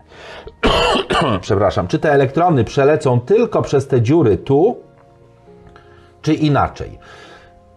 Takie zjawiska zaczęto obserwować, zaczęto robić takie eksperymenty, ale oczywiście nie na dwóch szparach, bo to jest jakby nierealne. Zaczęto to robić z użyciem pewnych struktur krystalicznych. Czyli na strukturze krystalicznej to są bardziej skomplikowane te obrazy, natomiast zaobserwowano, że jak przepuszczamy strumień elektronów, to obraz, który powstaje, nie jest taki klasyczny, tylko jest właśnie taki. Czyli dokładnie taki jak w przypadku, gdy są fotony. To oznacza, że te elektrony, gdy poruszają się w grupie, mają cechy falowe i wchodzą ze sobą właśnie w te relacje typowo falowe, takie jakimi jest dyfrakcja i interferencja.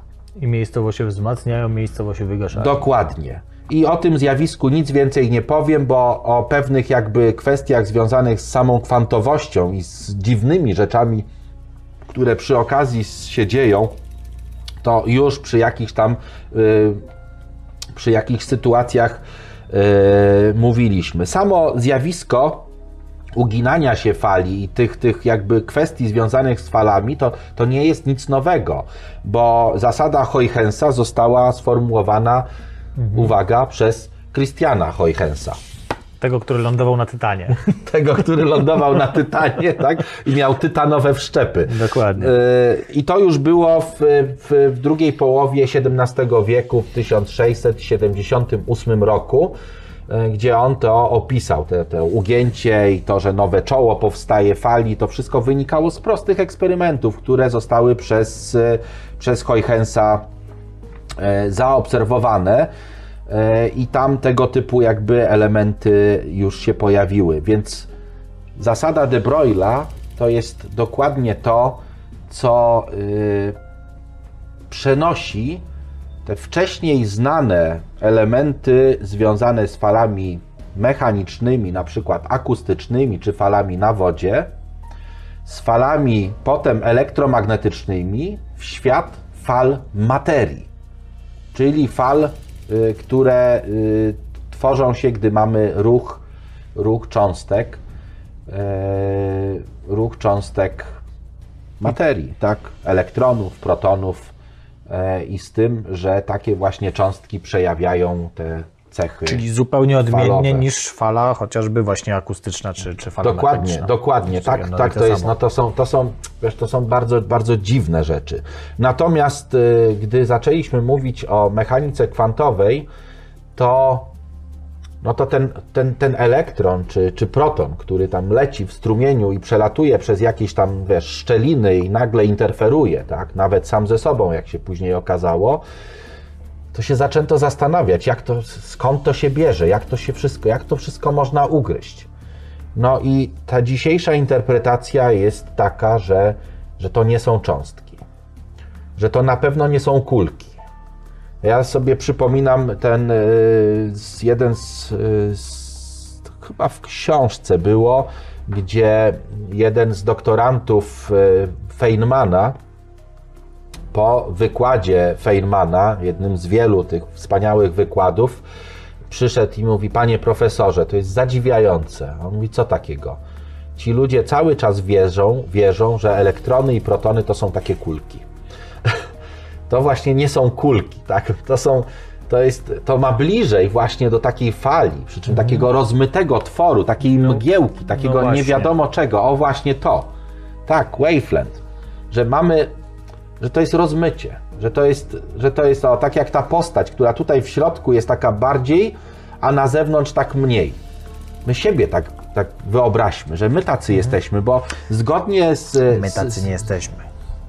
My tacy nie jesteśmy, Leszku, i to trzeba od razu mówić, bo zaraz znowu kolejny ten zastępy kwantowych uzdrowicieli wyjdą. My tacy nie jesteśmy, bo zachodzi dekoherencja kwantowa, czyli No zachodzi, tak. przy większej ilości obiektów kwantowych, takich jak jakieś atomy czy cząstki, bardziej nawet bym powiedział elementarne, one zusammen do kupy nawzajem się, że tak powiem, w tym prawdopodobieństwie uśredniają. No i tak, one się, one się niejako wiesz, widzą. Tak? Może jakieś fragmenty tam pojedyncze ciebie są raz tu, raz tu, raz tu, Yy, ale nie, jako nie. całość jesteś tu. Znaczy.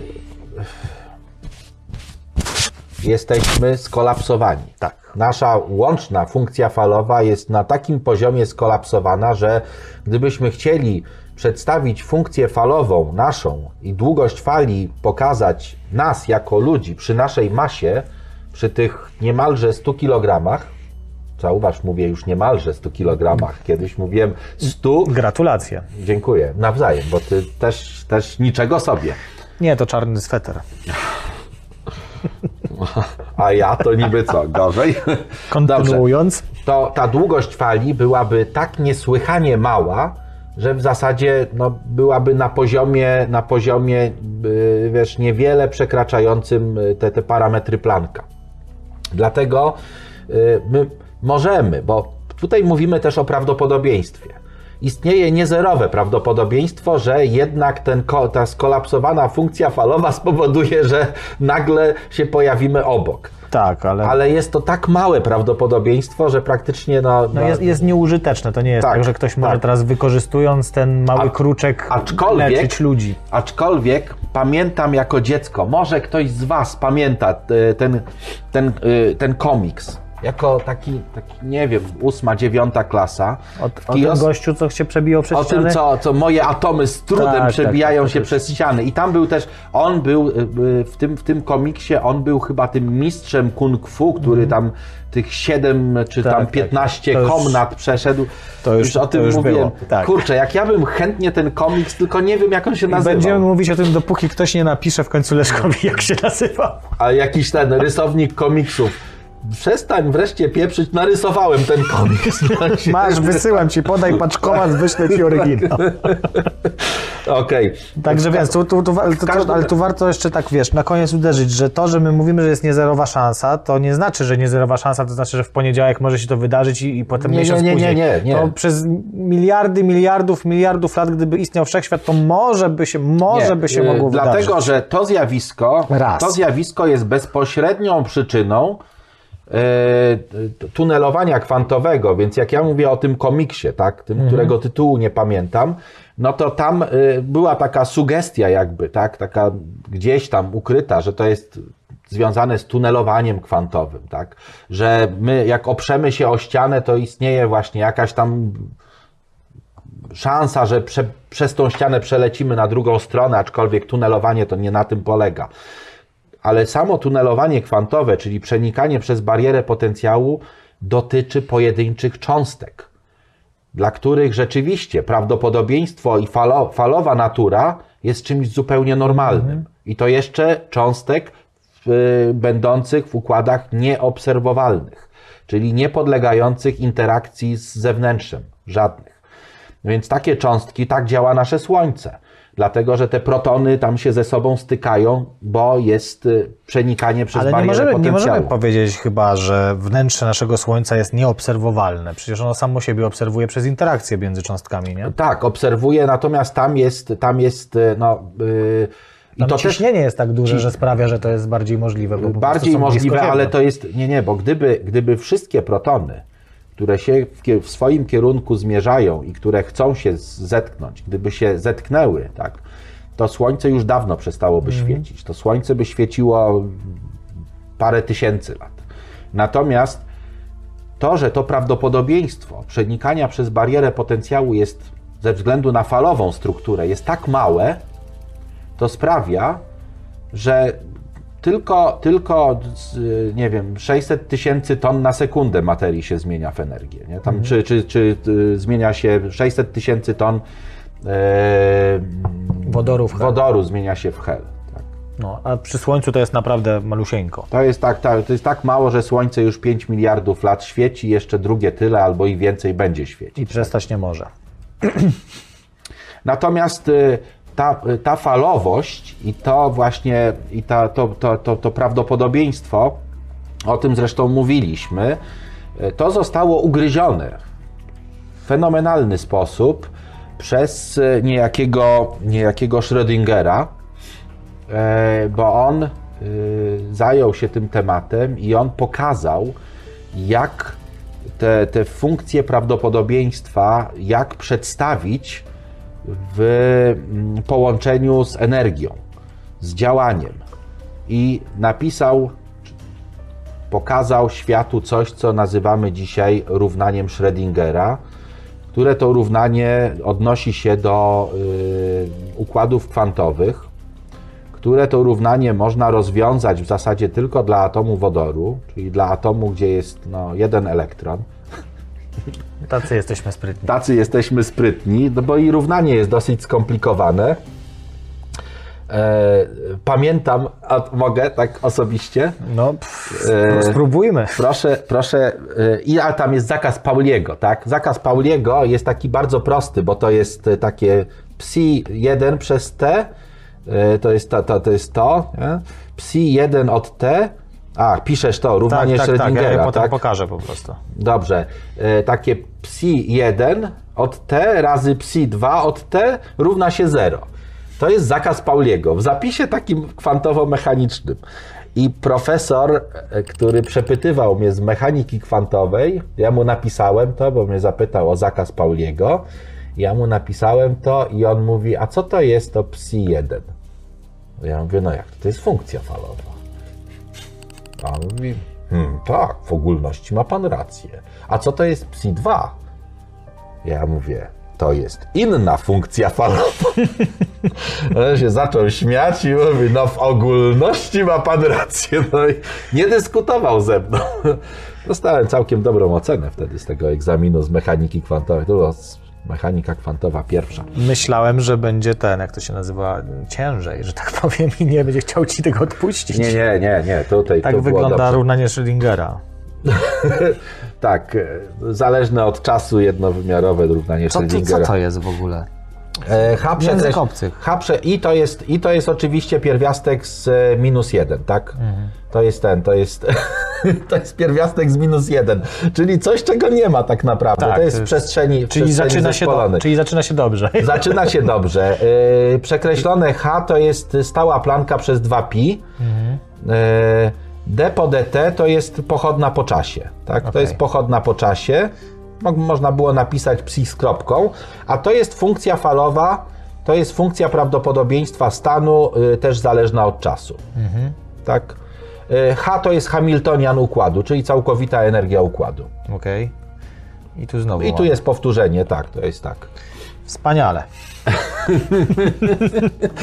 Tak, to jest cudownie, e, cudownie. Znaczy to się takie proste wydaje, ale to jest dosyć skomplikowane. Sam Hamiltonian jest dosyć Właśnie chciałem powiedzieć, tak. że polecam Hamiltonian. Jest dosyć, a to jest tak naprawdę, zobacz, równanie różniczkowe, tam zależne od czasu, można je rozdzielić, rozdzielić Nie, no zmienne i dobra. tak dalej. Można, ale ro- rozwiązać ściśle można tylko dla, dla tego, dla atomu wodoru, to z tego co pamiętam, nie wiem, to było dawno, dawno temu. Yy, I, I właśnie to, yy, ta falowość i to prawdopodobieństwo, bo to my, my łączymy teraz z jednej strony te cechy falowe i to, że fala, jeżeli mogę, tutaj jeszcze na, na, na tym samym obrazku zobacz, że, że fala wygląda tak. Tak, a nie, muszę to zmienić, żeby narysować. Tak. Tak, tak, coraz bardziej, coraz bardziej i tak. Tak. I ten y, element oznacza, że tu jest prawdopodobieństwo największe, a tu jest prawdopodobieństwo niezerowe, ale małe, a na końcu jest też niezerowe. W nieskończoności jest niezerowe, ale małe. Natomiast tak naprawdę wszystko się dzieje tutaj. I w oparciu o te, o te cechy my możemy pokazać, że, ale, ale zauważ jeszcze jedno, jeżeli możesz to włączyć, Mogę. że to nie jest tak, że to jest ściśle tu. Mhm. To jest gdzieś tu. Czyli my możemy pokazać, że jak mamy gdzieś jakiś proton, który jest ciężki i on bardziej skolapsowany jest, jeśli chodzi o to prawdopodobieństwo jego obecności w wodorze, to ten elektron jako taki malutki, prawdopodobieństwo jego obecności jest równe w jakimś tam obszarze dookoła tego protonu. W- W jakimś takim, nie na orbicie, Tylko gdzieś. i on z równym prawdopodobieństwem jest wszędzie, co oznacza, że on nie krąży jak planeta, tylko tworzy, mówi się na to chmura. On jest jeden, ale tworzy chmurę. No i w zależności od tego, jaki to jest orbital, to różnie wygląda Tak, ta różnie to wygląda, tak, różnie to wygląda i, i, to jest, i to jest właśnie to, co pokazuje równanie Schrödingera i myślę, że to jest, to jest jakby clue tego wszystkiego. E, na tym, w tym, w tym e, jakby dodatkowym odcinku powiemy sobie o falach grawitacyjnych i tam powiemy sobie, bo tak patrzę na ten czas upływający, tam też powiemy sobie może troszeczkę o propagacji fal, Mhm. a ja chciałbym zakończyć jeszcze tak Nie będzie żadnego propagowania fal w tym. Propagacji fal pośrodku. Nie będziesz tu propagował jakichś dziwnych fal. Ale zresztą mówiliśmy o propagacji fal, o propagowaniu fal w ośrodkach. Dobrze. Propagowanie. To wiesz o czym na koniec jeszcze? Żeby było wesoło. Zasko- zaskocz mnie. E, o, o rytmach, o naturalnych rytmach. które są, bo o tym też trzeba powiedzieć. Biologia to też są fale. Nasza fizjologia to też są fale, rytmy. Bio. W sensie rytmy. mówisz o ruchach robaczkowych? jelit? Ruchy robaczkowe jelit, ja nie wiem na ile są. Jak, tak- Trochę jak fala. A ja nie? kiedyś byłem przekonany, bo ktoś jako dziecko, ruchy robaczkowe, to co, że mam je w jelitach robaki? Mogło tak być. Mogło tak być. Natomiast, zobacz, aktywność elektryczna w naszym mózgu powoduje, że my bez przerwy emitujemy fale elektromagnetyczne. Dokładnie tak jak każdy kabel, tak jak ta żarówka, e, tak jak anteny, które są specjalnie przygotowanymi elementami po to, żeby jak najskuteczniej tę energię wysyłać. No tak? to EEG bada te fale. EEG bada te fale. Ale yy, mówiliśmy o drganiach i o rytmach, czyli te ruchy po okręgach, te ruchy takie, takie tłoka, tak? I inne ruchy tłoka, jakiekolwiek byś sobie tutaj nie wyobrażał. Ja sobie nic nie wyobrażam, to ty się uśmiechasz, nie? E, I teraz falowanie oceanu. Tak? Czyli już ten, ten ostatni element, kiedy tej wody troszeczkę jest wypychane energią na brzeg i wraca. I wypychane i wraca. Ale z drugiej strony Księżyc obiega Ziemię po swojej orbicie. Ziemia obiega Słońce po swojej orbicie. A dwa wilki gonią słońce i księżyc po firmamencie. I dzięki temu grawitacja powoduje, że rytmicznie Ziemia się troszkę wydyma w jedną stronę i kurczy. A dzięki temu te oceany bardziej się wydymają i one są jakby przyciągane i odpływają z brzegu. A potem przypływają do brzegu. Pływy. Naturalne rytmy w przyrodzie. Księżyc, który się pojawia, który swoją obecnością wpływa na nasz nastrój i myślę, że yy, nie ma co do tego wątpliwości, że jak jest pełnia, to wszystko się spełnia, tak? A jak jest próżnia, to... Nie no, dobra, dobra. to Oczywiście, się- że tak, bo jak jest pełnia, to księżyc jest cały, więc jest cięższy i bardziej masywny, a jak jest rogal, to jest go mniej, jest mniej masywny, więc... Tak. E, e, e, tak, proszę pana. Oczywiście.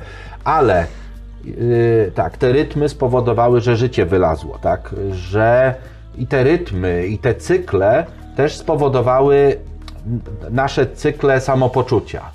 Co jest bardzo widoczne na przykład w cyklu menstruacyjnym u kobiet, który jest y, bardzo często zharmonizowany z, jakoś tam z y, miesiącem, nie wiem, czy synodycznym, czy syderycznym księżyca. A to nie jest jakaś korelacja po prostu? Nie wiem. Ale ciekawe, warto zwrócić uwagę, nie? Żeby, Warto zwrócić żeby było uwagę. jasne, to nie chodzi o to, że my tu teraz mówimy, że to Nie, tak nie, działa, ale, tylko... ale to, znaczy, to znaczy tak, no cykle nocy i dnia ewidentnie na nas wpływają. Ewi ewidentnie nasza aktywność jest, e, aczkolwiek od czasu, kiedy wynaleźliśmy tam, nie wiem, ogień, czy elektryczność, oświetlenie sztuczne, no to już nie jesteśmy tak uzależnieni, tak, od, e, od światła słonecznego, Ale to od światła zostało w środku, nie wiem, czy mam tu Darii książkę, gdzieś była. Y, Tak, w tej książce o śnie, tak, możesz p- pokazać, bo tam jest, tam jest dużo jest fajnych rzeczy i dużo fajnych przykładów. Ja też do tego, Nawet mam. no, no to, no to wiesz, to, to też pokaż, No. pokaż tę książkę. Książka Darii i moi drodzy, tutaj właśnie a propos tych cykli jest rozpisane też to, jak to wpływa na sen, nie? No. E, także, także są te cykle, natomiast e, wiesz co, ja absolutnie nie chcę tutaj, żeby nie, nie, nie brać tego za dobrą monetę. E, Natomiast w telefonie mam aplikację związaną z czymś, co, co jest określane jako biorytmy. I wiem, że niektórzy biorą to zupełnie poważnie, że wręcz sportowcy planują swoje występy w oparciu o te cykle, jakieś rytmy, one są jeśli dobrze pamiętam, 20 ileś dni, 27 chyba, 30, coś takiego. Są te biorytmy intelektu, y, fizyczny i, psychiczny, psychologiczny, nie wiem, whatever.